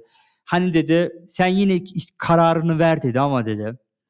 Bak inan dedi burada çok mutlu olacaksın dedi. Bak normalde de aramam dedi. Böyle bayağı bir 20 dakika abi dil döktü adam ya. abi açıkçası hoşuma da gitti yani. Neyse ben abi GitHub'ı kabul ettim ya. Çünkü GitHub'da abi Go yaz, Go ile yazılan servisler var abi yüzlerce. Bunların hepsinin abi standartize edilmesi, bunlarda çıkan hataları falan bunları lead eden takımın başına geçtiydim yani. Muazzam bir işti abi yani benim için baktığın zaman. O şekilde girdim. Ee, zaten Google'da sonra ertesi gün dedi ki işte bizim SVP imzalamadı. Dedim nasıl olur ya hiring komiteye geçtim. mülakatları geçtim nasıl oluyor dedim. Recruiter de üzüldü. Hatta Google, o Google'daki manager'lar en üsttekiler abi New York'takiler bile böyle mesaj attılar bana DM'den. Fatih biz e, çok üzgünüz. Böyle bir şey neden oldu falan diye yani. Kendileri ya, kaybetmiş abi. Abi yani. onların da suçu yok. Mesela diyelim ki sen, sen Shopify şeydesin abi çalışıyorsun bir yerde. Abi senin en üstteki VP of Engineering imzalamıyor. Hani senin bir suçun yok ki yani. Yani yok da abi şey anlayamıyorum ben. Yani hani seni tanıyanlar işte e, senin interview yaptığın kişiler ya da işte onların menajerleri hani evet. seni community'den biliyorlar falan. Evet. Yani o en üstteki adam ben onu anlayamıyorum. Yani nasıl kara o karar verebiliyor? İşte, nasıl yani ha, hani böyle bir büyük bir red flag olması lazım ki sen de artık aa görüp bunu çat diye bunu almayalım demiş imzalamamış. Ya işte o zamanlar bu Google Cloud'da budget böyle bayağı işten çıkartılma vesaire durumları da vardı. Bu Oracle'dan hmm. yeni bir C- CTO almışlardı. Google Cloud'un CEO'su olmuştu. Ee, ben sonra duydum yani abi yani dedikodu Türkiye camiasında var ama Silikon Vadisi'nde de var. O abi o dönem çoğu insanı şey demiş budget'ımız yok almayacağız deyip o dönem kapatmışlar. Yani büyük şirketlerde olabiliyor bu. Ve aslında Sam, Sam'in yani benim GitHub'daki VP of Engineering'in dediğine de gelmiş oldu biraz. Hani Hı-hı. büyük şirketlerde abi çok böyle duygusallık, böyle mantıksal e, davranışlar olmayabiliyor bazen. Ee, gerçi GitHub'a girdikten sonra da GitHub'da da bir sene sonra Microsoft çalışan olacağım olduğum için orada da böyle durumlardan karşılaştım da. Ee, Peki o macera nasıl ha, şimdi şey de abi? diyeceğim bu arada. Ben bu 7-8 tane şirkete başvurdum ya ve ben Hı-hı. bu dönemde system design olsun, işte bu lead code'da algoritmalar vesaire bunların hepsine çalışmak zorunda kaldım. Çünkü abi çoğu şirket sordu. Mesela bak GitHub sormadı, Stripe sormadı. Ee, ondan sonra VMware Fastly sormadı. Mesela VMware direkt almak istedi beni. Fastly de böyle direkt almak istedi. Bazı şirketler böyle mülakat bile yapmadı. Böyle sanki mülakat yapar gibiydi ama yapmadılar mesela. Hı hı. Peki Anladın onların mı? teklifleri kitaptan düşüktü muhtemelen diye tahmin Evet ediyorum. yani yani şöyle GitHub'ınki çok çok iyiydi yani. GitHub'da bayağı iyi bir teklif aldım. GitHub'da stock option'um da iyiydi ve orada o kadar çok mülak şey yaptım ki müzakere negotiation yaptım ki. Çünkü elimde yani, yani neden 7-8 taneye başvurdum onu da söyleyeyim. Bu tarz şirketlerle yüksek e, para alabilmek için, maaş alabilmeniz için elinizde teklif olmanız lazım. Hani şimdi iş seçerken e, dedim ya ben benim hedeflerimden bir tanesi yüksek maaş. Çünkü ben şunu biliyordum. Ben artık kariyerimde bir yerde bir yerlere gelmiştim. Yani kariyer açısından evet bir yerlere daha henüz devam edebiliyordum. Üst level'e geçmek istiyordum şirket açısından ama maddi anlamda da artık hani bir daha iyi kazanayım. Şu iki tane çocuğum var. Onlara bir birikimim olsun, kendi hayatım daha güzel olsun. Finansal bağımsızlık vesaire gibi Hı hı. konulara kafa patlatmaya başladığım dönemlerdi. Ee, yani ne kadar fazla kazanırsam o kadar iyiydi benim için. O yüzden birden fazla şirkete başvurduydum. Ya benim amacım orada illa kitap yani çok çalışmak istediğim yeri seçmekten ziyade birbirlerine kızıştırmaktı şirketlere. Hı hı. Kızıştırayım ki yani oradan onu yükselteyim, buradan bunu yükselteyim vesaire vesaire diye. Eee, GitHub'ın maaşını mesela dedim ben Google şu kadar verecek falan diye söylediydim. O şekilde yükselttiydim. Stripe dedim bak böyle stok opsiyon verecek demiştim. Sonra GitHub yükseltti. GitHub'ınkini mesela Stripe'a söyledim. Şey eee, Fast diye söyledim. VMware'e söyledim. Dedim GitHub böyle veriyor dedim. Bunları hep abi işte eee, politika bir yandan da hani Tabii, mühendis tabii. olarak biraz da hani bunlar da önemli şeyler. Ama ya onların da bir limiti var zaten. Hani benim hı. hani hiçbir zaman gelip de size çok absürt bir şey veremezler abi. Yani hı. veriyorlar ama çok nadir. Ama e, bende hani belli bir limit vardı ve ben o limitin en üst sınırına getirttirmiştim onlara. Hı. Hatta yani şu son 1-2 günde maaşı %10 daha arttırabildim yani. Yani böyle muazzam artışlar yaptırdım. Hani gerçekten iyiydim. Ne yalan söyleyeyim. Hı Ve GitHub'da çalışmaya başladın ama GitHub'da orada çalışmaya gibi başladım. 1 yıl çalıştın. Sonra ne oldu peki? İşte orada 1,5 yıl çalıştım aslında. 1,5 hatta bununla ilgili bir blog yazısı var. Hı. Neden Amerika'dan dönüyorum diye. GitHub'a çalışmaya başladığımda, eee, Amerika'ya taşındık 2 çocuğumla birlikte, eşimle birlikte. Orada, eee, işte ofise gidip geliyordum. Pandemi başladı. Pandemi süreciyle birlikte, eee, işler çok zorlaşmaya başladı ve tabii oradaki çalışma şartları da çok değişmeye başladı. Eee, GitHub'da durmadan takımlar değişiyor, reorganization'lar Satın durmadan alındığı için. satın alındığı için işte Microsoft'tan müdürler geliyor. GitHub'ın bu 5-10 yıllık çalışanları tek tek tek tek ayrılıyor vesaire. Açıkçası hani orada da böyle ta pek umduğumu bulamadım. Zaten, eee, Sam bizim, eee, o zamanki VP of Engineering ayrıldıktan sonra oradaki organizasyon, eee, o o o bölüm de tamamen dağılmaya Departman. başladıydı. Departman. Emm, öyle olunca da hani birçok insan acaba ne yapsak, ne etsek falan ama GitHub o kadar büyük bir yerdi ki ve ben ayrılmadan önce dedim ki GitHub'da kalsam mı falan dedim. Benim müdürle, menajerle konuştum. Dedim ki ya bak Harry dedim. Harry adı. Ya böyle böyle dedim ben benden bu takımdan çok memnun değilim dedim. Rails falan yazıyorum dedim. Ben Ruby on Rails benim expertise'im değil dedim. Kötü değil kullanabiliriz dedim ama ya benim abi benim expertise'im benim yani bu bu konuda uzmanım dedim hani. Abi beni bu bu yüzden işe aldı dedim. Hani Microsoft'taki müdürler yüzünden dedim beni başka yerlere atmanın bir anlamı yok ki dedim. O zaman dedim GitHub dedim doğru düzgün kullanmıyor dedim kaynağını dedim. Anlıyor musun? Hani hı. oraya da güzel yaklaştım aslında hani. İşte Ben senin hani üretkenliğini %100 olarak kullanamıyorlar. Heh, Yani sen Go'da aynen. çalışsan %100'ünle Aynen. çalışacaksın ama Ya Rails'te atıyorum Evet. %60'la falan Ya çalışacaksın. aslında aslında orada dilden itibaren hani ben daha çok böyle platform, infrastructure oralarda çalışan bir insanım. Hani yeri geldi Objective-C de yazdım, işte C de yazdım, C++ de yazdım, Python'da yazdım. Ama oralarda iyiyim. Ama beni gelip de frontend taraflarına, işte bu biraz daha web application taraflarına koymaman gerekiyor. Çünkü benim ilgi alanlarım Hı mikroservisler, hı. RPC'ler vesaire. Neyse. Eee, okay dedi Fatih dedi. Ya dedi biz seni seviyoruz dedi. Ne yapabiliriz falan dedi. 3 tane böyle bir duyum ortaya attık. Bir 3 tane şirketin şirket demiyorum bak GitHub o kadar büyük ya. 3 tane takımın menajeri bana başvurdu. Fatih dedi bir şeyler duydum dedi. Takım evet, dedim. Ya dedi bizim takım New York'ta dedi. 6 kişiyiz dedi. Şöyle şöyle dedi. Kendini anlatmaya başladı. Sonra San Francisco'da bir takımın müdürü dedi. Fatih dedi işte bak dedi bize gelirsen şöyle şöyle şöyle şöyle. Az çok takımı da belirlemiştim. Tamam dedim. Eşimle de konuştum. Zeynep dedim herhalde yine takım değişecek. Belli dedim. Eee, herhalde şu takımı seçeceğim dedim. Hı hı. O ara abi beni bu şu anki şirketin CTO'su mesaj attıydı o aralar. Hatta at, bir ay önce attıydı. Tamam mı? Daha bu olaylar tam olmadan önce. Fatih dedi ne yapıyorsun dedi. İyiyim dedim. Abi bizim şirketin şu anki Planet Scale şirketin adı Bu şirketin de baş, e, başındaki yani bunun kurucusu Google'da 10 yıl çalışmış. YouTube'un database'ini oluşturmuş Vitess diye. YouTube'u scale etmiş insanlardan bir tanesi. Çok çok meşhur biri. Yani herkesin böyle çalışmak isteyeceği e, e, mühendislerden bir tanesi. Abi bu adam da Go yazıyor. Vim Go'yu da çok seviyor. Böyle 2017, 2018, 2019 böyle konferanslara her gittiğimde bu beni buluyordu. Wow Fatih diyor. WhatsApp falan. De- dedi I am Sugu falan. Aa Sugu ne yapıyorsun dedi. Nasılsın dedi. İyiyim falan. Biz hep konuşuyoruz böyle. Yani adam beni sevmeye başladı. Hatta böyle bir slide'ında Thanks to Fatih Arslan for creating Vimgo falan yazmıştı abi. Böyle Wow. böyle şey böyle Kubernetes Fanınmış abi artık senin Adam, adam, adam benim fanım adam şirketi kurmuş. Dedi ki buraya gelmek istemez misin? Ve ben Planiscape'i böyle 1-2 yıldır da takip ediyorum. Bu GitHub'a girdiğim dönemlerde de hatta Cihangir'le çok konuştuk. Abi dedim ya bu şirket çok güzel bir şirket dedim. Teknolojik şirket, database scale ediyorlar böyle muazzam güzel bir şirket hani. Ama hani benim istediğim imkanları vermiyorlardı o zamanlar.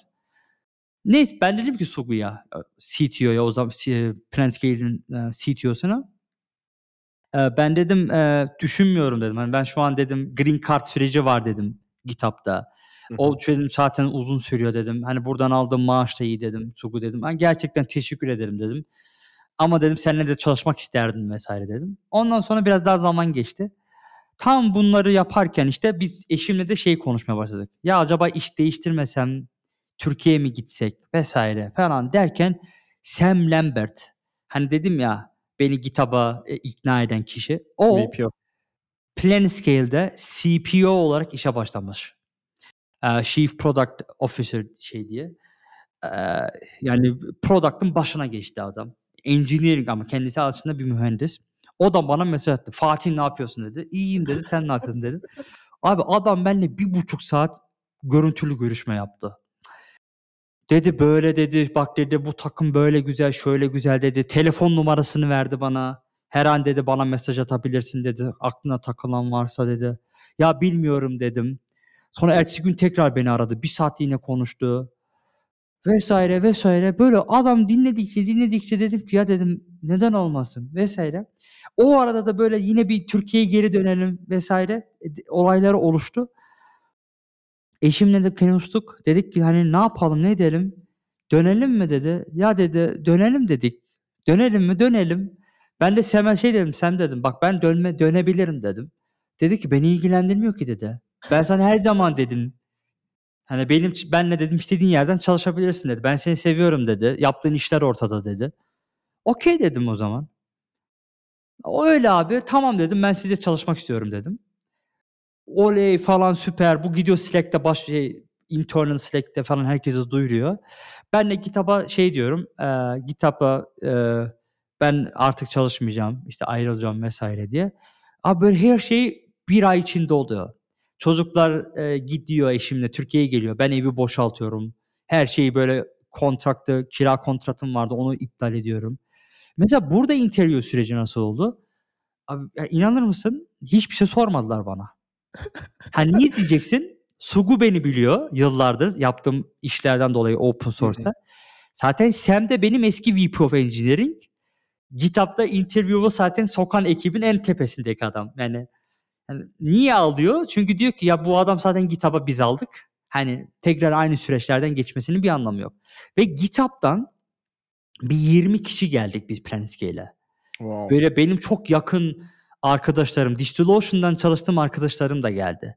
Wow. Ve ben orada anladım. Tamam dedim bu şirket dedim büyüyecek dedim. Bu şirket çok güzel yerlere gelecek. Ve geçme sebebim burada. Bak para değildi bu sefer.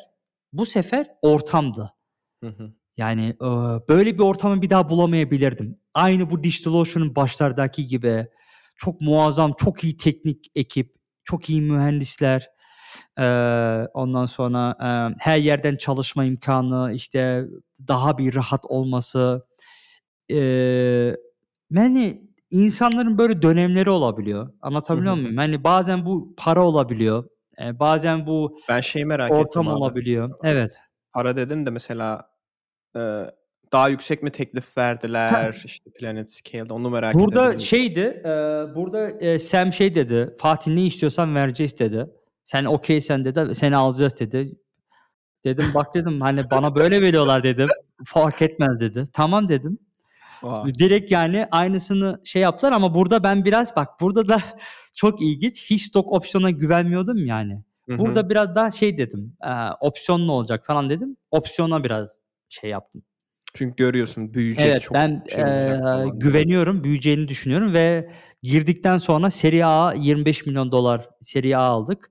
Sonra iki hafta önce de 50 eee, milyon dolar civarında da Serie C aldık. Hı hı. Eee, Abi ben heh, şimdi aslında şunu anladım yani biz seninle bir saatten fazla süredir konuşuyoruz.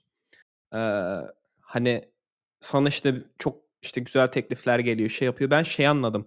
Senin networking skill'lerin böyle en en en uç noktada. evet. hı hı, Yani bunu biraz açsana abi. Yani biliyorum çok uzadı belki şey de. Ya ben hani bunu artık kendim için soruyorum. evet. Çünkü ben şunu gördüm seni hani bahsettiğin insanlar normalde senin şirket içinde kolay kolay denk gelip de konuşabileceğin ya da senin ismini bilebilecek insanlar değil. Yani atıyorum Evet. şu anda Shopify'da VP of Engineering benim adım bilmesi imkansız bir şey. Yani hı. hani sen nasıl nasıl çünkü bak şeyde mesela Gökmen'den bahsettin bu ta senin Parduş'tan beri e, kurduğun bir network var. Ondan sonra Evet. coding'de genişlettiğin bir network var. Evet. Sonra Digital Ocean'da tekrar daha genişletiyorsun. Evet. Ya bunun networking'i nasıl bu, bu seviyeye getirebiliriz? Bu Evet. konuyu bir de ben de şey bu konuyu ne? ben de soracaktım. Çünkü şeyi söyledi Fatih bu torpil vesaire değil. Ben bu insanları yani tanıyordum ve o şekilde aslında kontak kurdum diye.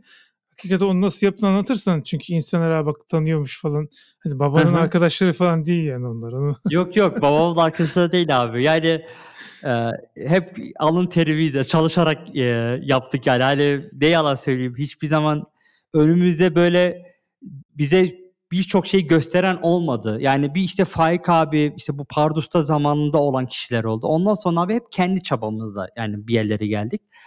E, bu networking olayı da şöyle. Ya ben e, bak ben şöyle söyleyeyim. Ben 2003 yılında blog, 2004 yılında blog yazan bir insandım. Ya ben ta o zamanlar bile paylaşmanın ne kadar önemli olduğunu düşünen bir insandım. Ta o zamanlar başladıydım ben bu işe. Ve hatta benim bu o blog arşivim hala duruyor kitapta. Türkçe yazıyordum o zamanlar. Arayan bulabilir. Ee, öyle olunca ne oluyor biliyor musunuz? Bir süre sonra paylaştığınız şeyler sağda sola duyulmaya başlıyor. Mesela benim yazdığım blog yazıları. Bu mesela iPad'de development nasıl yazılır yazdığım bir tane blog yazısı var. O o kadar çok yazıldı, paylaşıldı ki. Mesela bizim GitHub'da eee, bizim Net vardı CEO. O bile okumuş. O bana dedi, "Aa Fatih dedi ben senin dedi, blog yazını okumuştum." dedi. Şimdi benim ismimi nereden bilecek? Normalde bilmiyor değil mi? Ama o blog yazısında kocaman Fatih Arslan yazıyor. İsmim yazıyor abi. Oradan abi adam mesela adımı biliyor. Okay, there is a guy called Fatih and he's writing some blog post. Hani o böyle Hı beynine hı. işliyor oradan. Yani bence birinci şey burada e, ben hep böyle güzel şeyler paylaşmaya çalışıyorum. Öğrendiğim şeyleri kendime saklamıyorum. Başkalarına da paylaşıyorum. Ve bunları da böyle güzel güzel detaylı anlatıyorum. Yani bir şey orada böyle işte işte yürürseniz olur demiyorum mesela.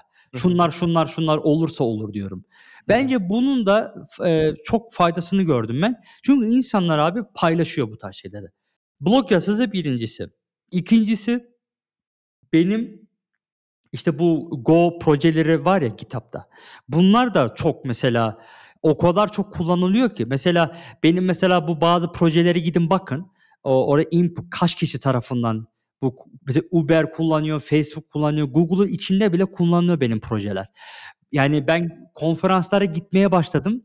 Konuşmacı falan vesaire olduğum dönemlerde bile böyle geliyorlardı. Diyorlardı, "Aa Fatih biz senin uygulamanı kullanıyoruz." vesaire diye. O tarz insanlarla bir süre sonra ben onları Twitter'dan takip etmeye başladım.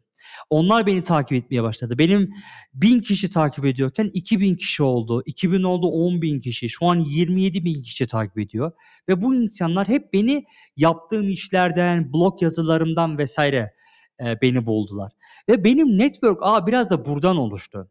Hani e, ve ben mesela şöyle bir karar aldım. Ben hep İngilizce yazacağım dedim.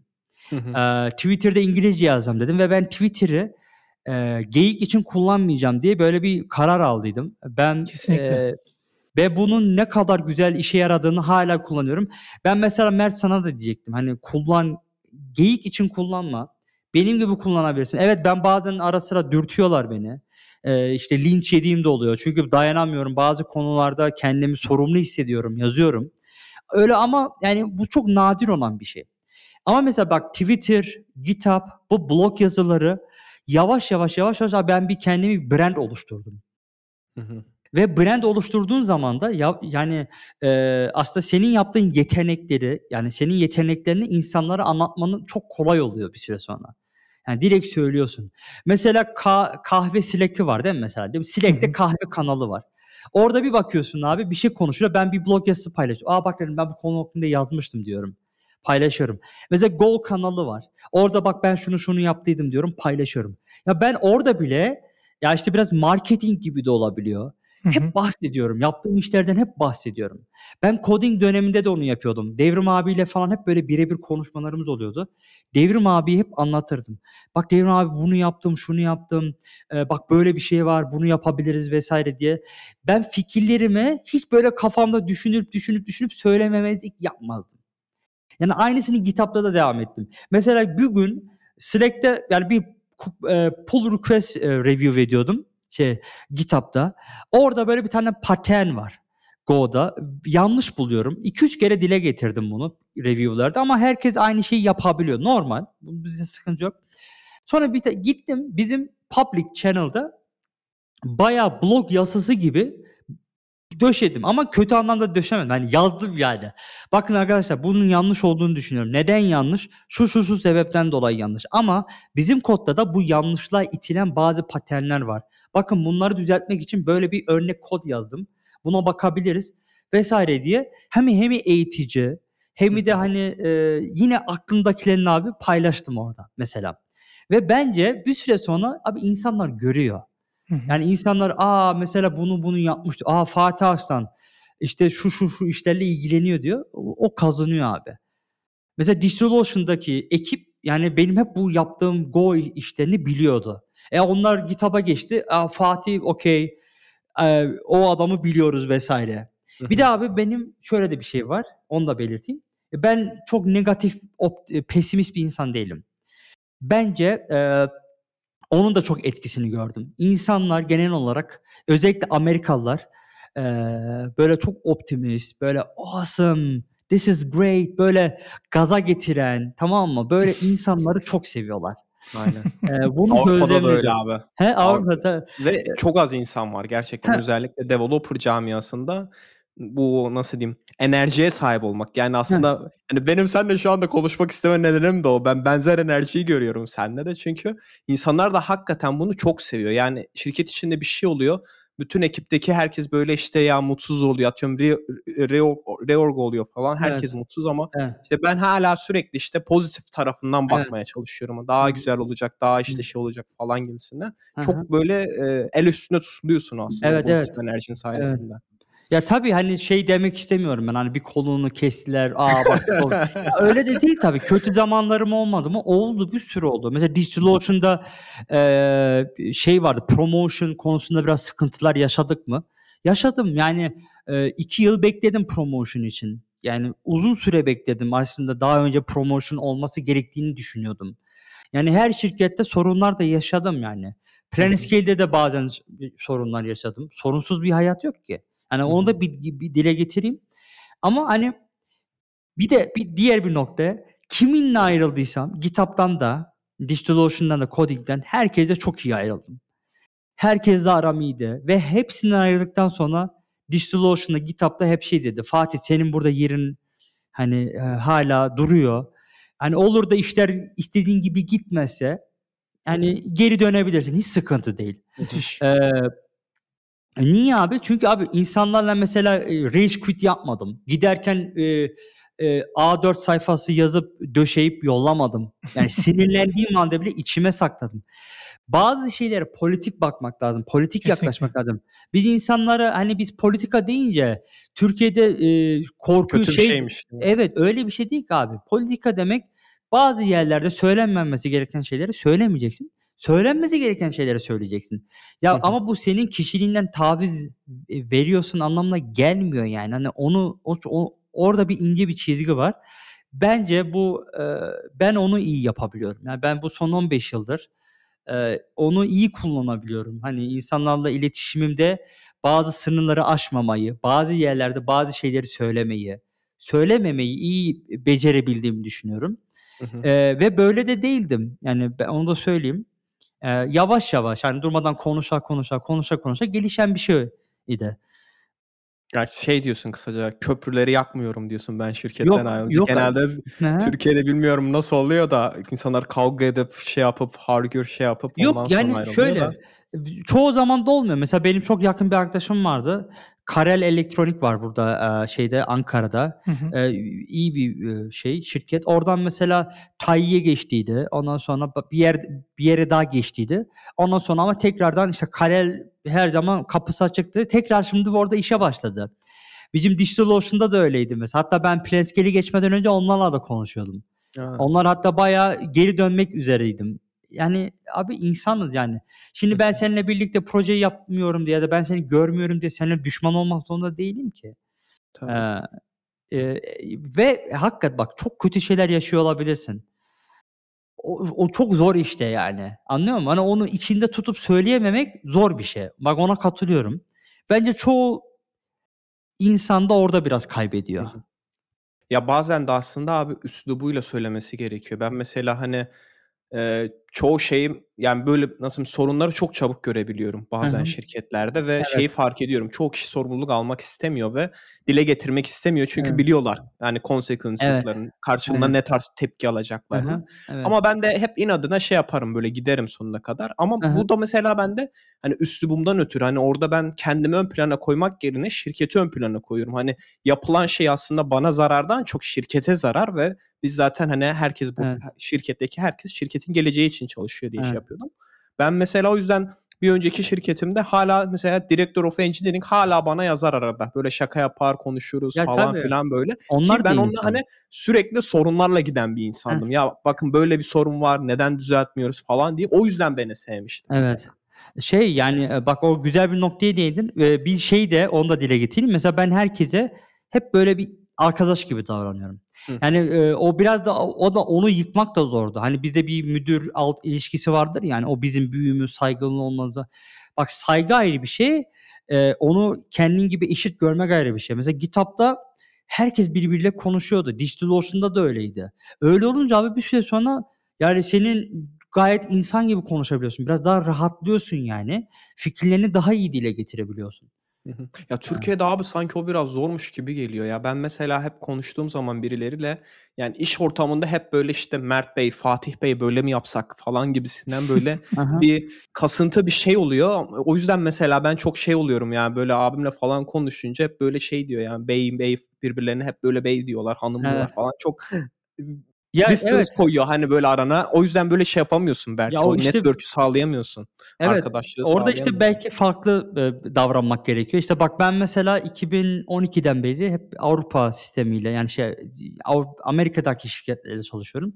Mesela ben Türkiye'deki iş kültürünü, eee, bir Kartek dışında çok hâkim değilim. Hı hı. Ama mesela Japonya'da mesela Japonya ben Japonya'yı çok seviyorum. Eee, Reddit'te Japonya ile ilgili bir sürü subreddit var takip ettiğim. Onları hep böyle okurum vs. Oradaki iş kültürleri çok değişik mesela. Yani her ülkenin iş kültürü de değişik. Hani onu da belirtmekte fayda var. Yani Türkiye'de de o ona göre davranmak lazım ama o da yine politikaya giriyor. Hı hı. Hani ben kuyusunu kazı demiyorum bu arada. Yani, eee, politika deyince insanlar onu anlıyor ama abi Hı hı. kendini güzel konumlandırıp, güzel çalışıp, çalıştığının emeğini düzgün bir şekilde karşı tarafa iletmen gerekiyor, tanıtman lazım. Onu da over communication, fazla konuşarak, fazla yazarak yapabilirsin. Bunu yapmadığın zaman abi hiç her zaman aynı yerde kalırsın. Ama ben biraz daha yükseleyim, bir yer daha büyüyeyim, insanlarla tanışayım deyince yapmak zorundasın abi. Bak bir menajerin altında binlerce kişi olabiliyor, onlarca, yüzlerce kişi olabiliyor. E, sen söylemediğin zaman onun bilmeme ihtimali çok yani bilemeyebilir yani gayet normal bu. O yüzden biraz hani marketing önemli. Kendini tanıtman lazım, işlerini tanıtman lazım. Söylemek gerekiyor yani. Hani Hı hı. Twitter'da mesela paylaşın. Hani yazdığım projeleri bak ben bugün bunu bunu okudum. Ve ben niye paylaşıyorum? Hep bu yüzden. Yani, eee, insanlar hem öğrensin istiyorum hem de bakın böyle böyle bir şeyler yaptım. aynı kafadaki insanlarla görüşebilme e, istiyorum ve herkesin aslında istediği de o biliyor musun? Yani GitHub'daki müdür de e, o tarz insanlarla görüşmek istiyor. Belki benim gibi insanlarla görüşmek istiyor. Yani Hı hı. orada ortak bir nokta bulabiliyorsun. Kesinlikle. Abi aslında çok güzel tavsiyeler verdin. Eee, ben şeyi hani listeleyecek olursak biz çünkü daha önce biz şans yaratmak konusunda bir, bir bölüm çekmiştik. Hı hı. Orada da benzer konu vardı. Bir şey Hı hı. yarat ve insanlarla paylaş. Şansını bu şekilde yaratıyorsun. Evet, Senin hı. mesela kariyerine baktığımızda da aslında benzer şeyi görüyoruz. Sen blog yazıyorsun, açık kaynak proje yapıyorsun. Her bir yaptığın şey aslında şu anda geldiğin pozisyona e, gelmeni sağlıyor. Yani bu hani seni bir yerden alıp çat diye e, böyle atıyorum GitHub'a koymuyor. Yani GitHub'a girmek bu Evet. prosesi gerektiriyor aslında. Evet. O yüzden çok güzel tavsiyeler oldu. Şeyleri de çok güzel bir şekilde paylaştın. Ek- bir şey eklemek Orada sadece bir şey ekleyeceğim. Ben bu işte 2019'da hani şirketlere başvurduğum dönem var ya orada şunu fark ettim. Ee, çoğu insan e, GitHub'da da öyle öyle insanlar gördüm ki yani bir blog yazısı yazmamış, Twitter hesabı yok, hiçbir şey yok. Ama mesela principal engineer olmuş. Bir yerlere gelmiş. Yani orada şunu da fark ettim Mert. Yani bazen e, sadece interview'a girip interview'da çok iyi sonuçlar alıp işte lead code, algoritmalar çok iyi yerden, tepeden de başlayabiliyorsun. Yani e, o da var. Yani onu fark ettim. Yani şu, orada şunu şey fark ettim. Biraz da o yüzden open source dünyasından koptum diyebilirim. Yani o kadar emek vesaire yeri geldiğinde abi çok gerekmeyebilir yani. Önemli olan kendine yaptığın yatırım ve o yatırımla neler yapabildiğin. Ee, çünkü abi e, zaman kalmadı. Mesela ben open source'a zaman harcayacağım diye çocuklarımla vakit harcayamıyorum. İstediğim kitabı okuyamıyorum. Ya da oyun oynayamıyorum. İşte Lego ile uğraşıyorum. Lego ile uğraşamıyordum. Ee, mesela bu son 1-2 yılda onu fark edince e, biraz da şeyimi değiştirdim.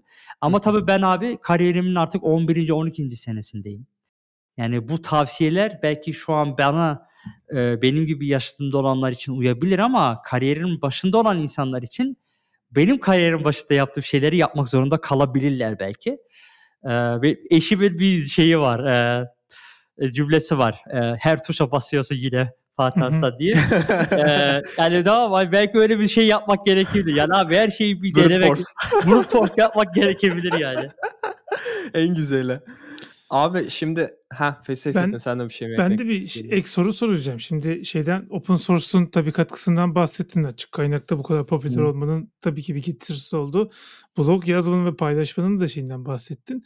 Ama şimdi sanki anlatırken şöyle gibi geldi bana. Hani bu bazı tanıdığın adamları sen bayağı samimi tanıyorsun yani. Sadece senin blog yazdığını okumuş insanlar değiller. Burada mesela böyle topluluklardır, konferanslardır, oralarda böyle yüz yüze tanıştığın insanlar oldu mu bu bahsettiğin kişilerden? Yani bir, çünkü yüz yüze görüşmenin samimiyeti çok başka şeyden. Ee, Yani, blog yazı evet. okutmaktan yani. Şöyle yani samimiyiz ama hani bir arkadaş samimi yani böyle çok yakın arkadaş samimiyeti oluşmadı tabii.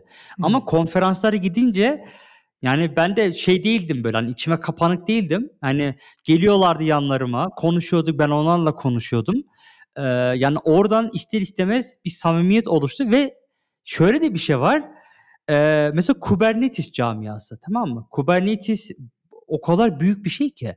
Mesela Kubernetes'in yılda iki tane konferans oluyordu. Bir Avrupa'da bir Amerika'da. North Amerika'da. Bir de şeyde oluyordu. Asya'da da ama Asya'ya çok giden olmuyordu. Ee, ve ben bu tarz konferansların 4-5'ine gittim. Şirket vasıtasıyla. Hepsinde hep aynı insanlar var. İşte Reddit'teki bilmem ne takımı. Google'daki bilmem ne takımı. İşte Shopify'in bilmem ne platform takımı. Ee, bir süre sonra abi herkes birbirini tanıyor yani burada. Anlatabiliyor muyum? Yani burada işte bizim meetup'lar vesaire gibi bir durum oluşuyor. Aa işte Seyfettin'i şuradan tanıyoruz işte iOS'cu vesaire. İşte Mert işte işte Mert'in Twitter'ı yok ama işte podcast'inden tanıyoruz vesaire anlıyor musun? Oradan da abi bir süre sonra senle mesela durmadan işte ikinci meetup, üçüncü meetup, dördüncü meetup'ta o kişiyi görünce diyelim ki senin şu an çalıştığın şirkete başvuru yaptığında sen diyorsun ki aa ben bu kişiyi tanıyorum. Hani hatta bir meetup'ta da konuşma yaptı. Ee, hatta projeleri de var vesaire.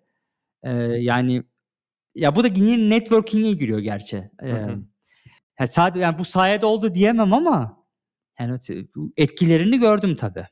Hı hı. Eee, sona yaklaşıyoruz ama ben şöyle bir, iii, yorum da yapmak istiyorum. Sen şimdi şey dedin ya, "Bütün tuşlara basıyorsun Fatih diyor Evet. eşim." diye. Aslında sen bütün tuşlara basmamışsın.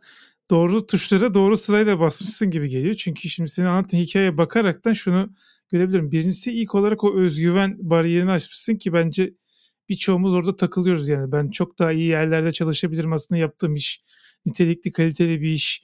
Bunun Hı hı. üstesinden gelebiliyorumun farkına varamıyoruz birçoğumuz. Onu bir, hani, dinleyicilere de söylemekte fayda var. Bu bende de olan bir şey bu arada. Eee, bahsettiğim, anlattığım zaman mesela yaptığım işleri insanlar diyor ki, "A, bu çok acayip bir şey." vs. Ama bana mesela o kadar acayip gelmiyor. Eee, Hı.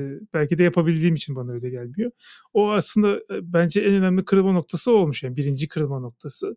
Eee, onu kesinlikle görebiliyorum. Ondan sonra da tabii sürekli, işte, aslında tuşlara basma kısmı orası. Eee, blog yazıları vs. hani, çok spesifik planlamamışsın tabii ki, hani, şunu yazayım sonra Aynen. arkasından bunu Yok, yazayım diye ama yok. Ama sürekli bir şey yaparak sonuçta oradaki şansı arttırmışsın ki şans yaratma bölümünde de bunu konuşmuştuk Mert'le. Hani, böyle bir özet geçeyim dedim. Hı hı. İyi yaptın abi. Ben son olarak şeyi sormak istiyorum. Ondan sonra belki kapatabiliriz. Gene uzun oldu ki umarım kimse şikâyetçi olmaz olmasın. Bence çok güzel şeyler Evet. dinledik.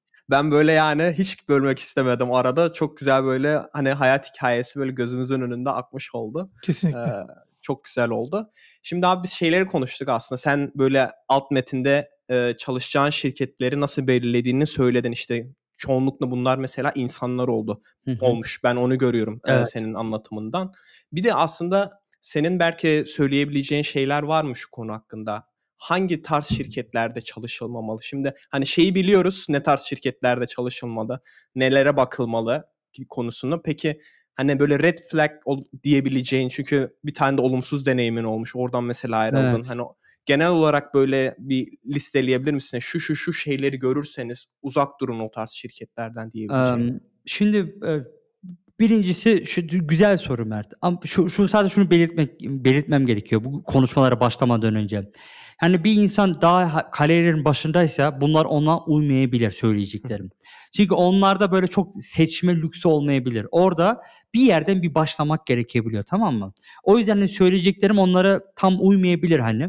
Ama diyelim ki siz kariyerinizin 4'üncü, 5'inci ya da başlarındasınız ama başarılısınız. İsim yapmaya başladınız. Bir yerlere katkı yapmaya başladınız. Bence en büyük red flag'lerden bir tanesi, eee, özellikle önümüzde, eee, Amerikan şirketleri için, Avrupa'dakiler daha yeni yeni başlıyor. Hisse, eee, vermeme olayı. Yani sizi şirketin hissedarı yapmama olayı. E, şimdi bu çok radikal bir şey, söylediğim şey ama, şöyle bir şey oldu mesela geçenlerde. Herkes bunu konuştu. Mailchimp diye bir şirket var. İşte, mail atmak için herkesin kullandığı. Çok başarılı bir şirket bu. 2 tane founder'ın kurduğu pri private bir şirketti. Yani, eee, borsaya açılmamış ve binlerce çalışanı var ve çalışanların hepsi de çok mutlu mesuttu. Ça founder'lar da hep şey diyordu. Biz çalış eee, satılırsak herkes, işte, eee, zengin olacak bizim sayemizde. Çünkü biz buralara sizin sayenizde geldik vs. vs. Eee, Intuit diye Amerika'nın en büyük, işte, bu vergi uygulamaları yazan bir şirket var. Satın aldı bunları. Satın alırken de abi founder'lar dışında hiç kimseye para verilmedi. 0. 0 ya çünkü kimsenin hissesi yoktu ve bu o kadar büyük bir şok oldu ki herkeste. Eee, herkes şey dedi, "Ya" dedi, "Ben 6 yıldır çalışıyorum, 8 yıldır çalışıyorum. Niye böyle bir şey oldu?" Ama bakın yine söylüyorum bu çok böyle aman daman bir red flag değil. Niye red flag diyorum? Çünkü herkes verdiği için artık eğer vermeyen bir şey varsa onu seçmemek gerekiyor. Vereni seçmek lazım, hani. Eee, yani bunların arasında kaldıysanız çok çok önemli ve gerçekten o hissedarlık şeyi insanı çok farklı düşündürüyor. Ya, bir şeyi, eee, sahibi olmak, hissedarı olmak, eee, daha farklı bakıyorsunuz. Yani siz varınızı yoğununuzu veriyorsunuz, şirketle daha güzel iletişim oluyor, daha mutlu bir insan oluyorsunuz ve bence bu da iyi bir şey. Yani buna da dikkat etmekte fayda var. Emm, onun dışında red flag'ler ne olabilir? Eee, işte, benim mesela girdiğim şirketler genel olarak Kartek'ten sonra çok sorun olmadığı için, hani, o red flag'leri direkt göremedim. Yani hiç öyle bir şey denk gelmedi. Ne yalan söyleyeyim. Eee, o yüzden de çok böyle spesifik bir şeyim yok açıkçası şu an için. Sadece düşünüyorum, hani, acaba birileriyle konuştuğumda kötü bir şey oldu mu olmadı mı diye hı. Aman öyle çok da şeyim olmadı. Yani çünkü benim muhatap olduğum şirketlerin çoğu zaten hani böyle isim yapmış, güzel yapmış. Hı hı. Ee, ama aynısını tabii Türkiye'deki bazı şirketler için ya da işte yurt dışındaki işte Avrupa'da da olabiliyor böyle çok böyle geleneksel ya da Amerika'daki Fortune 500 böyle eski şirketler için diyemem tabii. Hani e, ya Peki çok- abi o, o bile Aha. yeter aslında. Evet. Çünkü ben şeyi gördüm aslında Türkiye'deki bazı şirketler de yavaş yavaş e, Amerikan borsasına açılmaya başlıyorlar. evet. E, ya da Amerikan borsasına açılmayı planlıyorlar. Hı hı. Ama hiç şey duymadım yani bunlar hisse verdiler. Ben aslında Türkiye'de böyle hani adı bilinen bir sürü şirket var. Yemek Sepeti'dir, Trend Yol'dur. Ee, hani sayabileceğin hepsi Getir veriyor. buradadır. Getir Get- verdim. Getir veriyor muymuş? Hı verdi evet biliyorum. Tamam, Hatta benim mesela. bir padavan vardı orada. Bana sorduydu e, Fatih abi e, böyle bir satın alma opsiyonu var. Ne yapayım dedim. Dedim direkt al bekleme. Hissedar ol kesin al. Verebildikleri kadar al dedim hatta. Ve şu an mesela aldığı hissede 5 katına mı ne çıkmış? Yani hatta geçen konuştuk dedi abi çok teşekkür ederim. E, hani bilmiyordum bu, bu öyle işlerin böyle olacağını. Abi çünkü sen büyüyen bir şirketin parçası olmak apayrı bir şey yani Kesinlikle. ve Getir de böyle bir şey sunduysa çok güzel hani anlatabiliyor muyum? Hı. Mesela red flag dedin. Bak ben niye red flag görmedim? Çünkü mesela ben hep şunu mesela çalıştığım insanlar insan gibi insanlar olduğu için öyle bir varsayımla girdiğim için. Ama tabii ki giriyorsundur işte böyle çok böyle üstten konuşuluyorsa interview'da sen fikrine bile e, seni dinlemiyorlarsa bile ne yaptığını anlatabiliyor muyum? Yani hı. böyle bir yerde zaten çalışılmaz. Yani direkt çıkılmalı. Ama ben böyle bir şey yaşamadım hiç Mert. Yani yaşamadığım için anlıyor musun? Böyle bir anekdot sunamıyorum şimdi sizlere. Anladım. Ya şey gibi abi aslında senin çalıştığın şirketler böyle developer'ı hep el üstünde tutan şirketler. Aynen, aynen. Ben eee, çok teşekkür ederim abi. Çok güzel konuları Kesinlikle abi. konuştuk. Çok teşekkür ederiz. Ben teşekkür ederim davet ettiğiniz için her zamanki gibi. Uzun oldu. Umarım eee, güzel yorumlar gelir. Eee, biz muhtemelen seni tekrardan benim şu andan zaten birkaç konu var seninle gene konuşmak Okey. istediğim. Bak sizin için Ee, mikrofon aldım. Aynen. Teşekkürler Yani biraz e, şey Mert'le Seyfettin beni ikna ettiler mikrofon için de ben de Shure aldım bir tane. E, hani çok kötü geliyordu sesim. O, onunla bugün kaydettik. Umarım daha iyidir şimdi. Çok daha iyi. Aynen. Kesinlikle. Eee, o zaman bilmiyorum Seyfettin senin son olarak ekleyeceğin bir şey var Yok. mı? Yoksa benim zaten beynimde durma noktasına geldi. Bugün de bayağı eee, derin bir konu üzerinde çalışıyordum. Eee, yorgunluk da var. O zaman ben eee, yavaştan kapatayım. Eee, eğer bizi ilk defa dinliyorsanız eee, Spotify'dan ya da Apple Podcast üzerinden eee, takip edebilirsiniz. Bu sayede yeni bölüm çıktığında bildirim alıp yeni bölümleri anında dinleyebilirsiniz. Ee, farklı düşünün 26. bölümünde Fatih Arslan'la çalışacağın şirketi seçmek konusunu konuştuk. Kendisi e, kariyerini aslında bize özet geçti. Çok güzel deneyimler paylaştı. Çok şey öğrendik. Ee, bir sonraki bölümde görüşmek üzere. Hoşçakalın.